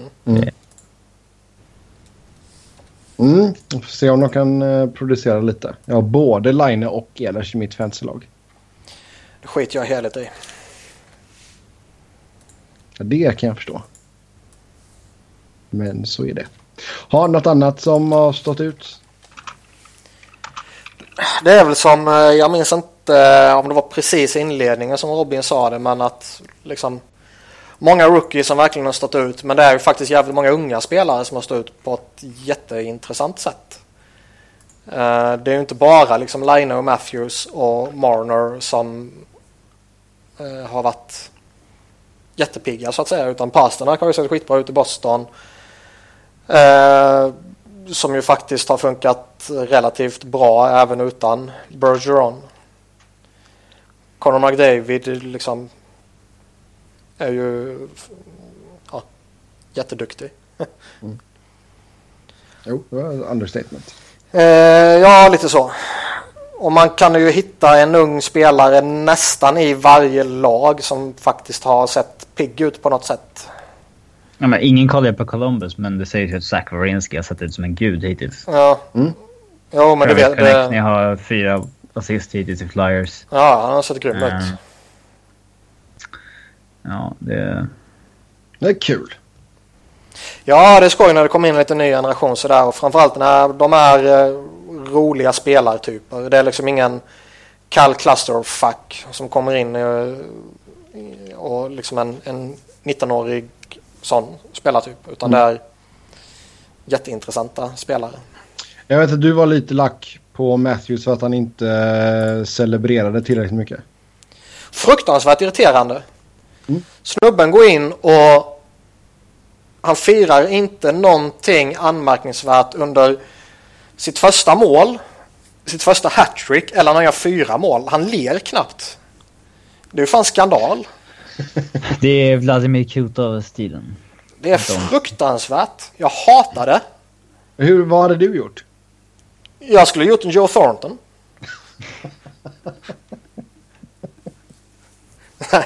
Framför Habs-bänken där. Ottawa-bänken. Ja. Den klubban mellan benen. Och förbi där. Um. Snö i handen då så att man kastar upp på dem. Ebbers ansikte där. ja, något sånt skulle jag ha gjort. ja. Nej, men skämt åsido så det är alltså. Man behöver inte. Man behöver inte jubla som eh, Jakobov gjorde. I det här klassiska klippet. Det var, jävligt, det var jävligt coolt men. Eh, det är ju inte så man behöver jubla. Men liksom fan visa någon glädje i alla fall. Mm. Ja, det är sant. Hans morsa började gråta. Ja. Uh, Kul om han börjar gråta. ja. Titta upp på mamma och börja gråta. Liksom. Men nej, nej där, där blir jag riktigt förbannad. Att han inte ens liksom visar minsta lilla intention till att jubla. Alltså han skulle dra av ett något snett litet smile så liksom bara japp, jag är här nu. Ja men någonting coolt bara liksom. Ja. Det, det ja. gjorde mig faktiskt riktigt arg. Det är inte, mm. jag bryr mig inte riktigt om spelare jublar eller inte men det är någonstans liksom energigivande när man såg eh, Danny Breer alltid köra sin one knee fist pump och sådär. Liksom. Mm. Um... Jo, det är sant. Mm, eh, vi pratade lite tidigare om att man inte ska dra för stora växlar med inledning här men är det några lag som ni ser redan nu som vi kan måla upp som contenders? Anaheim. Alltså Anaheim har ju sett riktigt svaga ut. Ja, då fattar ju varenda alltså, människa förutom de själva. men alltså vi, vi, kan ta den lite snabbt bara. Alltså herre jävlar. Det har ju verkligen haft perioder. Och nu när jag säger perioder så menar jag ju faktiska perioder. Inte bara liksom tre minuter i en match utan en hel period. Där de har varit riktigt jävla odugliga i 20 minuter. Och, och inte haft en suck att säga till om. De är, de är en åldrande core. Saknar Hampus Nilsson, saknar Rickard Rakell. Och har gjort ett förjävligt coachbyte. det, det är bara, de kan faktiskt komma och krascha rätt rejält, Anaheim. Oh ja. Det vore så jävla kul. Jo, men alltså, vi, kände, vi kände ju allihopa att trots, alltså. trots att Carlisle kommer in så trodde vi ändå så att Alltså den här inledningen skulle jag inte jag har kunnat gissa på överhuvudtaget. Och visst, det är bara fyra matcher som de har spelat, men... Ja, men alltså det är, det är som jag sa, liksom, resultaten efter... Vissa lag har spelat två matcher och några har spelat tre och några har spelat fyra. Mm. Resultaten säger ju inte ett skit ju liksom. Äh, äh, oavsett om du tar 100% av poängen eller om du tar noll poäng. Så mm. säger inte det ett skit under en sån här kort period. Däremot kan man se lite tendenser så här i, i, i spelet kanske och man kan få lite vibbar och så här. Och Anaheim är ju verkligen en sånt lag. Så att de går in och torskar tre av fyra matcher här och uh, torskar den fjärde i overtime. Alltså det är ju relativt ointressant för det kan som sagt det kan ju ske hur som helst när som helst. Men de har ju verkligen sett skitdåliga ut. Mm. Och det tycker jag ändå är lite förvånande för även om du tar in en totalt oduglig coach så har de fortfarande en core som är bra. Även om vissa av de spelarna är på fel sida 30-årsstrecket så är ju fortfarande Getzlaff och Perry skitduktiga liksom. Och mm. även om de saknar Hampus Lindholm så har de fortfarande Vatanen och Fowler och typ Simon Deprez som är fullt dugliga backar liksom. Kommer du stanna upp och titta på matchen mot Philly? Ja, men inte för att det är Anaheim. Nej, nej, det förstår jag. kan du gotta dig lite till också? Kan du sitta och småskratta varenda gång du ser Carlisle i bild? ja, så kommer väl de gå och vinna bara för det. Ja. Ja, nej, nej, men alltså sen ser vi på andra sidan spektrat också. Vi sa ju det Vancouver. Alltså man har tagit tre vinster. En i straffläggning och två i övertid liksom. Det, trots att man då inte har haft ledningen en enda sekund än. Mm. Eh, Men Tampa Bay tänkte jag väl ändå så att vi kan lyfta fram. De har sett bra ut. Jag Jag tycker, sett dem. nej, jag har inte sett dem en hel match så, men jag har sett någon period här och där och de ser väl fräscha ut liksom. De De har ju ett bra lag. stopp i natt när de möter The Mighty Colorado Avalanche. Ja, det är svårt att tänka mig. Nej, inte jag heller. Men, eh, Nej, men de har ju ett jättebra lag. De kommer ju ha en contender när vi är där framme. japp. De kan vi spika som contender om vi ska ta, ta den frågan. Ja. Mm. Eh, contender är Tampa. Eh, jag är inte alls lika säker på Dallas längre. Eh, inte säker på Chicago, men det var ju inte innan säsongen heller. Men eh, Pittsburgh, Washington och Tampa är de som man kan spika redan nu som re- rejäla contenders tycker jag. ja, Sen är det ganska up in the air faktiskt. Eller ja, Nashville kommer ju resa sig. Absolut. Jo, det håller jag med om. Nash- Anna, Nashville anna, liksom. annars är det svårt i, i Western för... Det är så jävla jämnt. Ja, alltså framförallt i Central, men det har vi pratat om tusen gånger också. Men där kan du lika gärna... liksom. Ja, där kan du lika gärna vara ligans största contender till att missa slutspel. Ja. Ja, då hoppar vi in på lyssnarfrågorna och eh, först ut så har vi eh, en som frågar ifall vi såg Mod- Mac Modanos diss av Fabian Brunström. Och vad kan storyn vara bakom den? Eh, det var ju efter att Matthews gjorde sina mål där i debuten som... Eh, ja, de lassade upp här vilka rookies då som hade gjort hattrick i sin debut. Och Brunström gjorde ju det för Dallas. Eh, och Mike Modano tyckte inte att Brunström förtjänade att nämnas i samma tweet eller samma andetag som Matthews. Nej, och det ska han väl inte göra heller. Nej, men varför detta agg mot Brunström från Modanos sida? Äh, men åker du runt som någon jävla diva och du ska besöka och testa varenda klubb i hela ligan och... Eh, alltså det är klart att det kommer sätta sig hos liksom veteraner som eh, ja, du vet, har varit med i 15 år liksom. Det är klart han målar upp en bild av sig själv som en jävla diva och det uppträdandet är ju liksom då inte accepterat om man säger så. Så för min del är det väl rätt solklart varför vissa spelare i Dallas eh, kanske inte är jätteförtjusta i honom. Modano hatar Fabian Brunström. Ja, och liksom det är väl en sak. Visst, han gick in och han gjorde ju lite avtryck eh, sin första match och sin första säsong. Men sen kraschade han ju jävligt hårt. Mm. Och, Vart var det han var nu? Danmark? ja, Mark. där gör han i och för sig jättesuccé.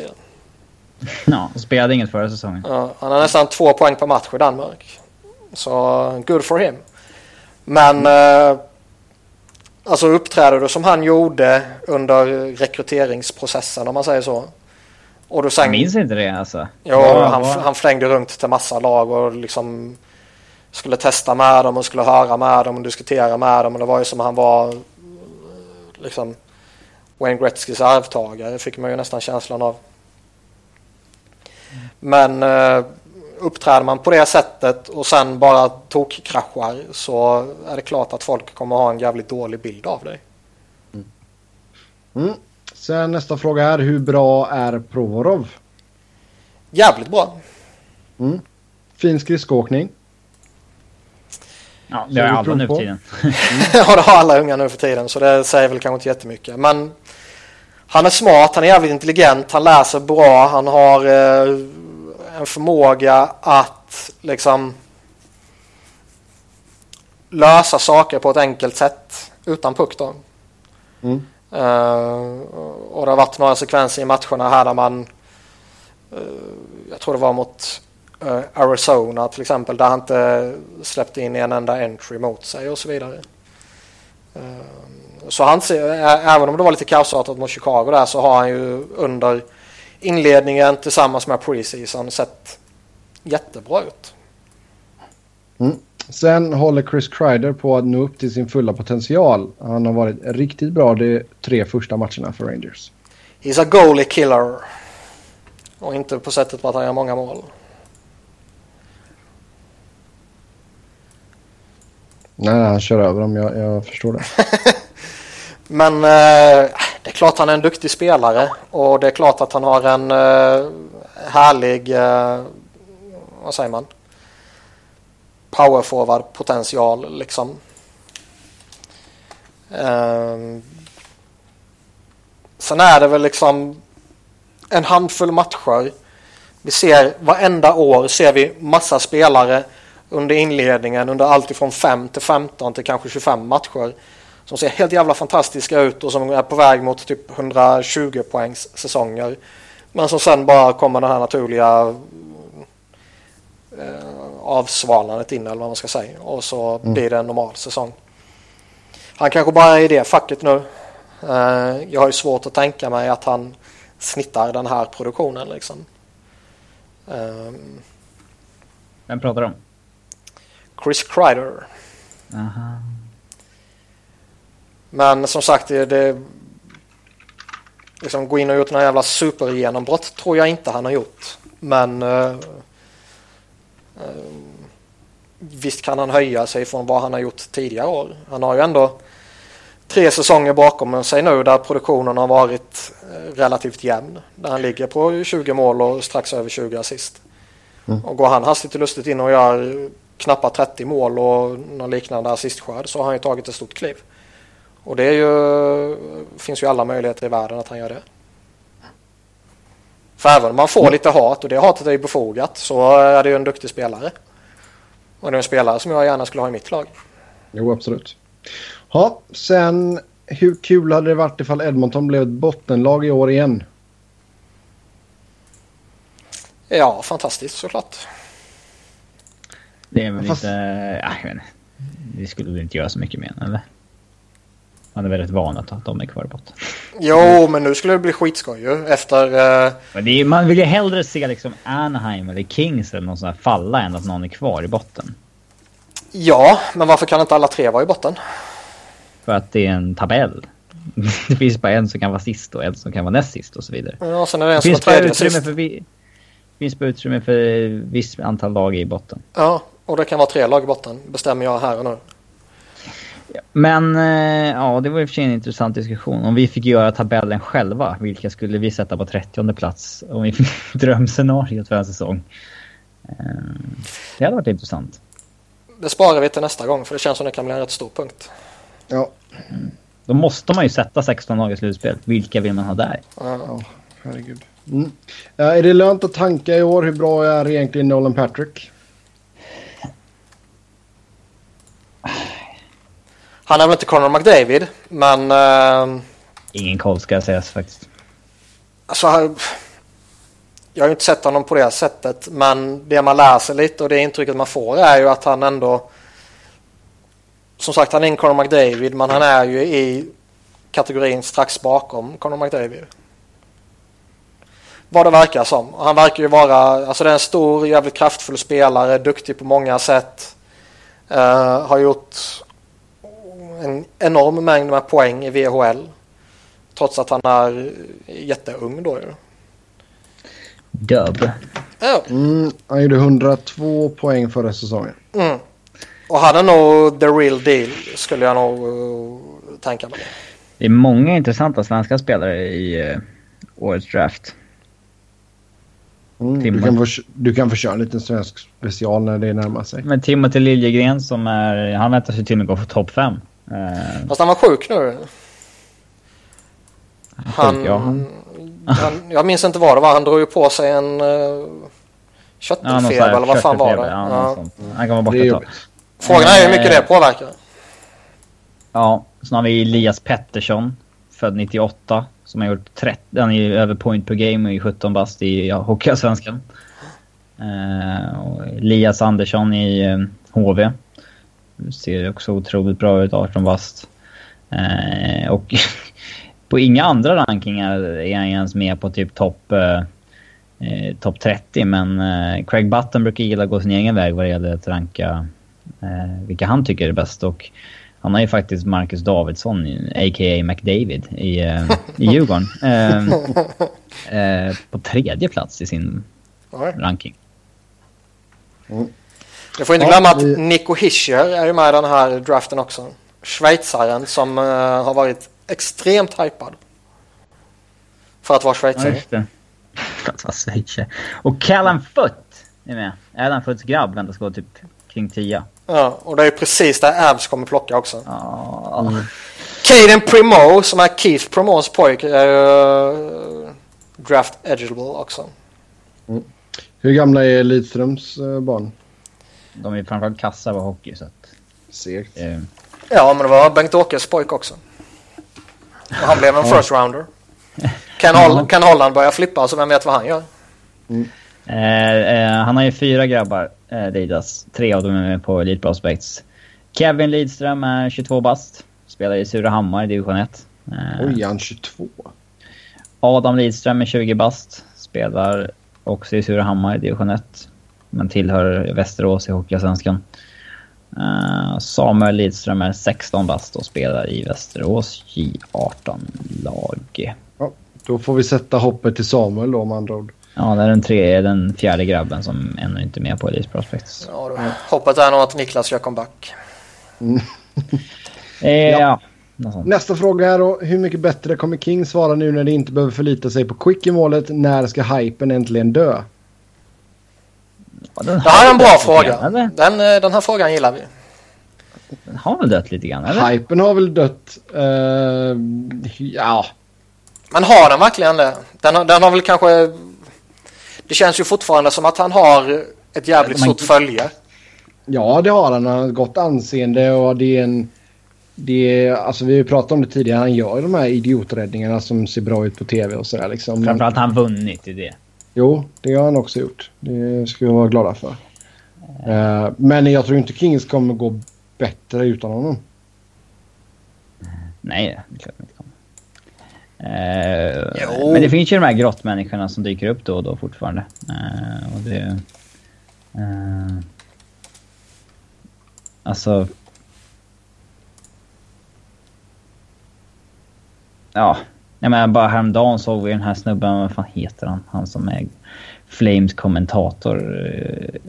Eh, ja, det, det började ju med att Jim Matheson Ja, Ed Edmonton-dåren eh, skrev någonting om att I'm so tired of analytics guys all over Chris Russell. By their measure, they like PK Subban better than Drew Doughty too. Nonsense.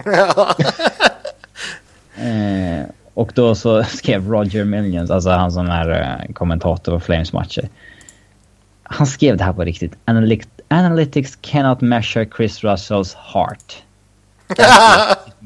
Alltså verkligen kvar på det här analytics can't measure heart. alltså det är ju såhär...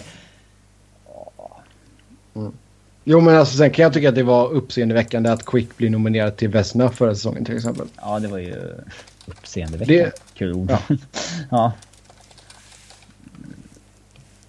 Det förvånade ju till och med mig. ja. Det, det finns ju lite folk som är kvar i det där fortfarande. Eh, jag, skulle jag fråga Jim Matheson eller Roger Millions så är jag garanterat säker på att de kommer säga att de tycker att Quick är topp fem i, eh, i ligan. ja. Mm. Men eh, Kings kommer inte vara mycket bättre utan Quick. Det eh, kan vi i alla fall konstatera. Eh, det verkar finnas en vakant plats för Rantanen bredvid Landeskog och McKinnon. Hur bra säsong kan han få ifall han får spela med dessa två herrar? Jag såg inte mycket AHL i fjol. Eh, Men Rantanen var riktigt bra. Men jag har sett lite stats och sånt där och han, vissa statistiska kategorier och sånt där när han spelat vad gäller scoring chances per six och så vidare. Så räcker inte ens mätverktyget till liksom. Så bra igen. Ja, eh, Ja. det är... Eh, ja men så var det. det var ju väldigt eh, intressant. Eh, ja. Jag säger inte emot det. Jag bara, det, det lät roligt när du sa ja. Så är det helt enkelt. Eh, men ja, jag hoppas att han får gå in där med Landeskog och McKinnon när han kommer upp. För att Gin hänger inte riktigt med. Samtidigt kan det ju kanske finnas ett värde i att sätta Rantanen eller Duchene eller någonting som inte har kommit igång. Försöka få en bra kombo där också, man vet inte. Mm. Ja. Sen, vilka Twitterkonton vill vi rekommendera? Våra favoriter om NHL och, i allmänhet och sen även Avs i synnerhet. Uh, Robin, du kan väl få slänga ut några Avs-killar som du tycker är bra som folk ska följa. Ja... Uh... Twitterkonto om NHL så är det väl... Men nu bad vi om Avs. Ja, det var ju både och. ja, jag vet. Jag fattar att du måste kolla igenom din telefon lite nu. Men alltså, i allmänhet, det är klart att det är, alla borde ju följa Bob liksom. Ja, men på den jävla nivån kan vi ju inte ligga ju. Herregud, skärp dig nu Sebbe. Eh, men två, två, två konton som jag tycker är roliga att studera det är ju Shutdown Line som är den här Kåre Schneider som Robin mumlade om tidigare. Ja, han hittade jag uh, rätt nyligen. Så att jag... Ja, han, han går in på lite microstats och grejer som är intressant och han har lite roliga iakttagelser och, och så här.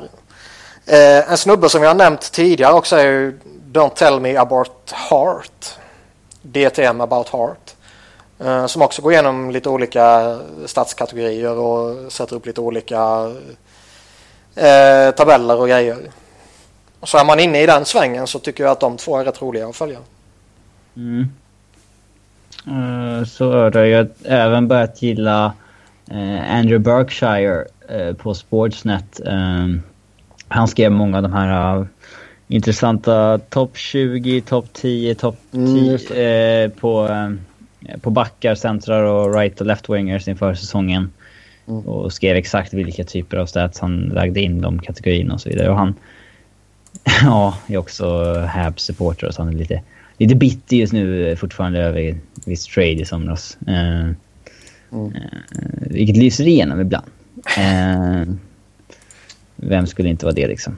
Allmänt NHL skulle jag ju rekommendera att följa eh, liksom, om man inte orkar följa så här 100 konton så skulle jag rekommendera att man följer Brannan Clack bara NHL-update i ett ord. Eh, bra konto. Nichols on Hockey är bra för det också. Ja, Chris Nichols ja.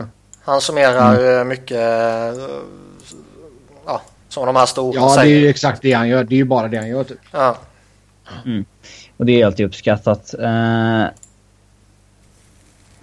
jag tycker Patrick O'Sullivan är ganska rolig. Han har några gamla spelare, Patrick O'Sullivan. Men mm. han, han verkar vara galen alltså. Han kommer ja, med... Men det är ju därför han är rolig. Ja, jo, det är sant ju. Men han kommer med massa konstiga åsikter och han eh, eh, liksom vägrar utveckla dem typ när folk ifrågasätter dem och, och sådana här saker. Eh, så han verkar vara jättekonstig. Däremot verkar han vara lite skön på ett sätt också. Så jävligt svår snubbe att få grepp om. Ja. Men han verkar ju inte vara duktig på det sättet.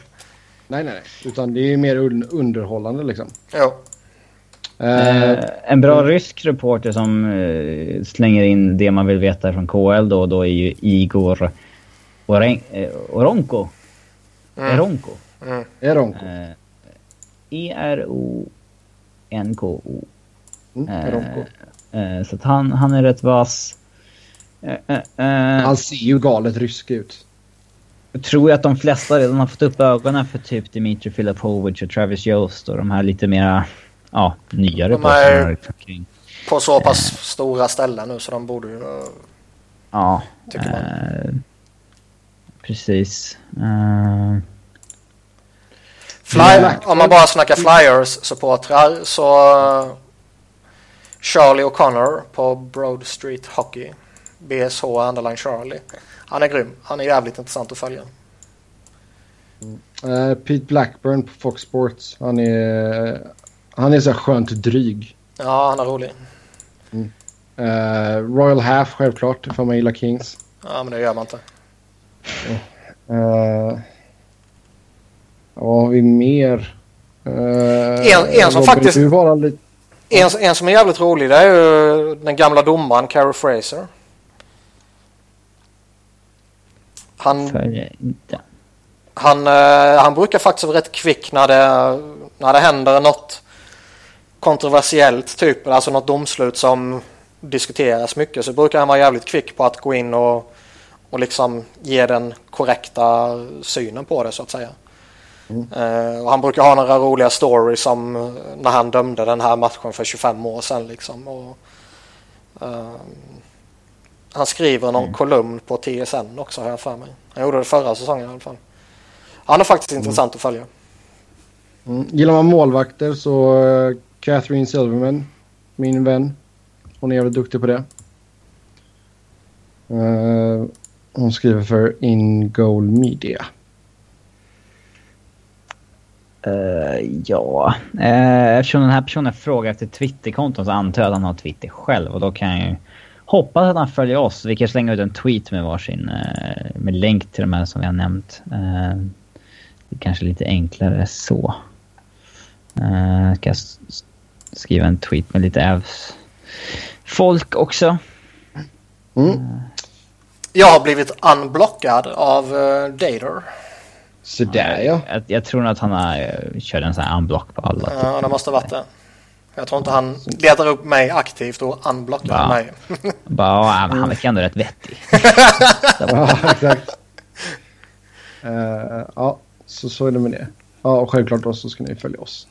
Eh, nästa fråga här. Blir Kyckling kvar i hela säsongen i Arizona? Vet inte.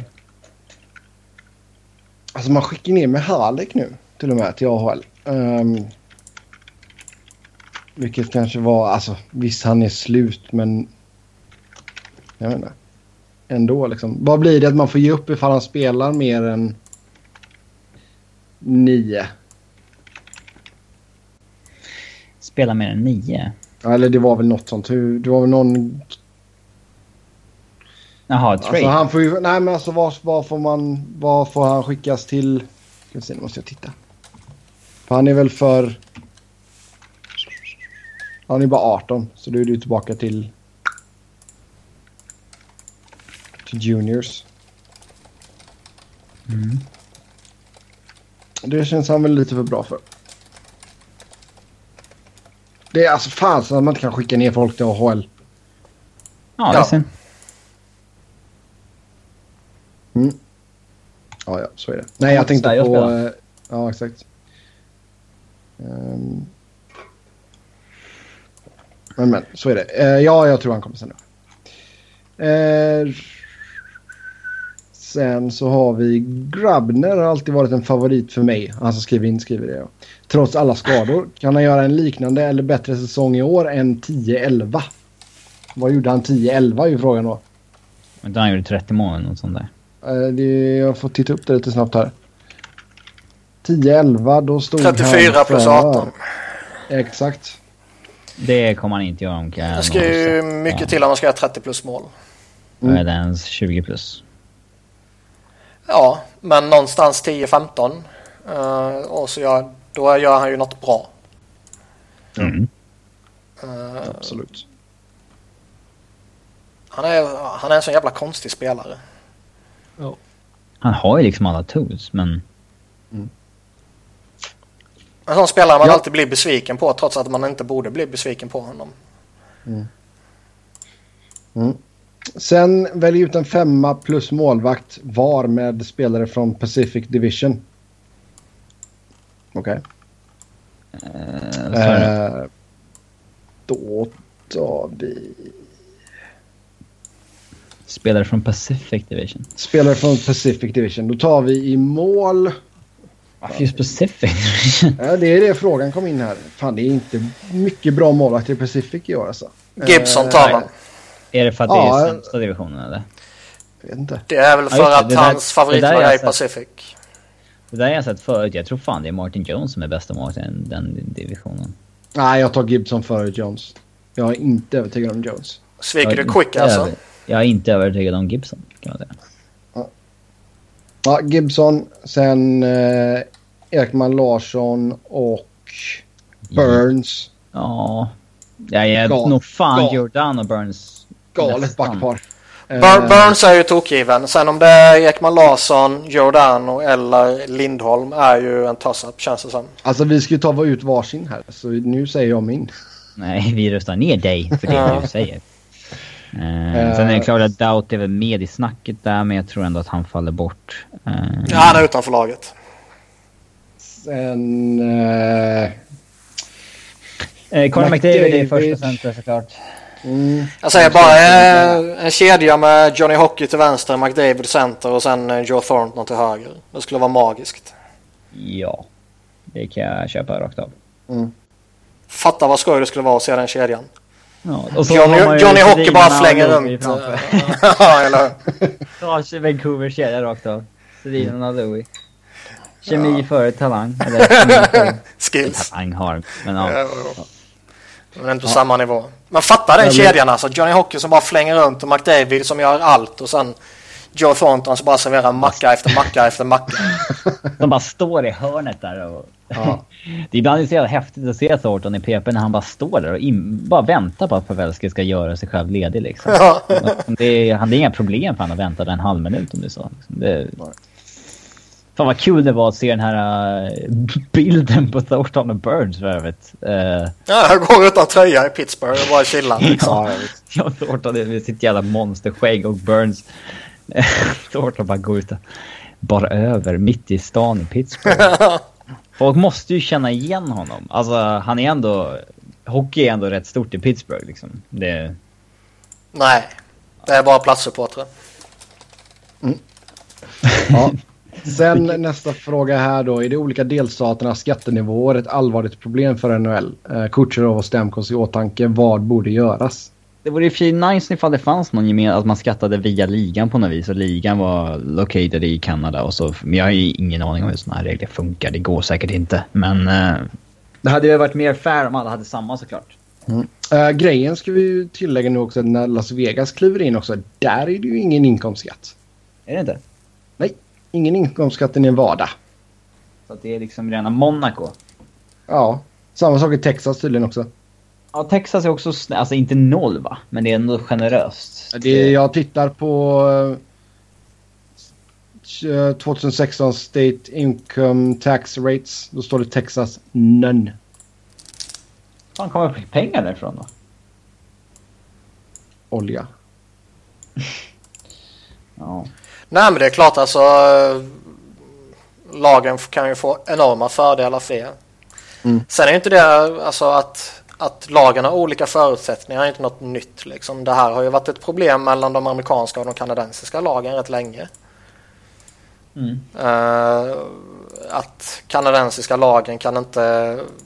Ja, de måste erbjuda en så pass mycket högre lön för att uh, man, ska få, mm. man ska få ut lika mycket pengar som du får i USA. Liksom. Men det är ju deras valuta som är skit. Ja, jo. Men så har det ju varit relativt länge och det har ju diskuterats rätt länge och eh, eh, Montreal har ju gnällt lite över det när de försökt värva stora spelare att de eh, men vi måste hosta upp så jävla mycket och det går inte och då går de till andra lag istället och så vidare. Så det är ju inte bara i USA problemen finns. Nej. Mm. Sen, vad är grejen med utköpet av Jared Cohen? Att han inte riktigt var skadad eller vad fan handlar det om? Ja, ja alltså... Grievance, grievance hearing.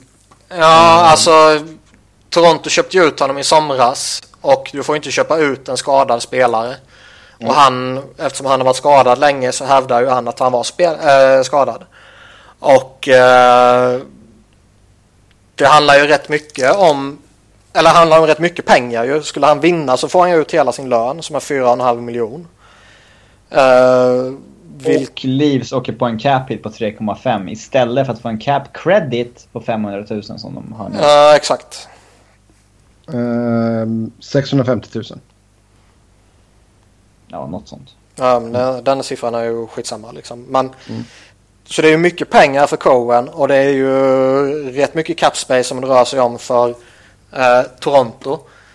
Sen för Torontos del så är det väl kanske egentligen skitsamma för de bara hivar de upp någon av sina spelare på long term injury reserve och så vidare. Så det är ju inte så att de måste dumpa iväg en uh, JVR för att få plats med han liksom. Nej då, men uh, ja, det väl ändå någonting man gärna undviker. Ja, jo, givetvis. Men som sagt. Dels det är liksom... pengar som bara försvinner på skit. Uh, och sen, jo, ja. men de har ju mer pengar än vad de kan göra av med. Ja, men det är väl ändå... Så det, det är inte så det... Ja, ja, ja, ja. Men det gör de redan på spelare de redan har ju. Mm. Så det, det tror jag är ett mindre problem för dem. Det sen liksom... Skulle de få det här mot sig så är det inte så att organisationen går under. Det är det jag menar. Mm. Mm. Eh, sen tror ni att New York Rangers kan byta bort någon forward för att förbättra backuppsättningen så att laget kan få en chans till kuppen? Kuppen. Är det verkligen en back som är hela grejen ifall Rangers kan vinna kuppen eller inte? En back. Nej, back. det är typ tre backar. ja, de behöver ju McDonald's. De har ju McDonald's så behöver de väl tre till. typ. Det är kul att eh. Vigneault fallit i kär, att han också blivit kär i Colden. Spelar honom sådär 20 plus minuter per match. Och ska han bara plocka upp Tanner Glass igen också så är allt frid och fröjd. Mm. Kör Glass som back. uh, nej men de har ju en bra forwardsbesättning så ska de tulla någonstans om man inte pratar pick eller prospect så är det ju en forward de måste offra. Uh, frågan är ju bara om de är redo att offra någon av sina attraktiva forwards så att säga. Mm. För jag tror nog det skulle, det, det, skulle nog krävas rätt mycket för att de ska dumpa iväg en Zuccarello eller Chris Kreider eller JT Miller liksom. Om man pratar om de här som har lite högre cap hit så att man faktiskt kan få in någonting eh, bra också. Mm. Mm. Och det är väl inget lag som är riktigt jättesugna på en Rick Nash nu va? Nej, alltså det... Om, ja, om Rangers går in och säger att de behåller en massa lön så absolut. Men jag skulle väl vara tveksam på att ta honom på 7,8 nu. Baserat på, eller beroende på rättare sagt, vad man eventuellt kvar. två år, detta plus nästa. Men liksom... Jag tar ju gärna in Rick Nash om jag blir av med Andrew McDonald liksom. Jo, det förstår jag. Okej, okay, trade. Men det gör, gör, gör Andrew McDonalds Rangers backuppsättning bättre? Ja. Nej. Han är ju bättre än Stahl och Girardi. Nej, kanske inte Stahl. Nej, däremellan ja. Mm. Uh, ska vi se. Sen, vad är det Bob Murray håller på med? Först så får han in Randy Carlisle och nu kan han i värsta fall mista Lindholm. Han kommer inte mista Lindholm tyvärr, uh, men... Uh, ja, vi jag lyfte väl den där frågan för något år sedan eller två när... Men Dags kändes ju ganska välskötta rätt länge men... Tittade man lite djupare på vad just GMN hade gjort och inte vad liksom typ de hade scoutat fram och draftat och så vidare så känd, såg det faktiskt rätt suspekt ut. Mm. Eh, att han var lite sneaky dålig. Eh, och det börjar han ju visa nu att han faktiskt är också. Mm. Eh, så att, ja. Japp, japp, japp. Sen... Vi snackade lite Bob Murray tidigare i avsnittet så att det ja. var rätt, äh, rätt avhandlat. Sen äh, sista frågan här. Är Fredrik Andersen en legitim första målvakt? Yeah. Vad, säger, vad säger siffrorna Robin? Att han inte var särskilt mycket bättre än Jonathan Bernier. Alltså. Var det väl? Jaså? Alltså att, in, in, att det inte var någon så enorm skillnad. Uh, här för mig.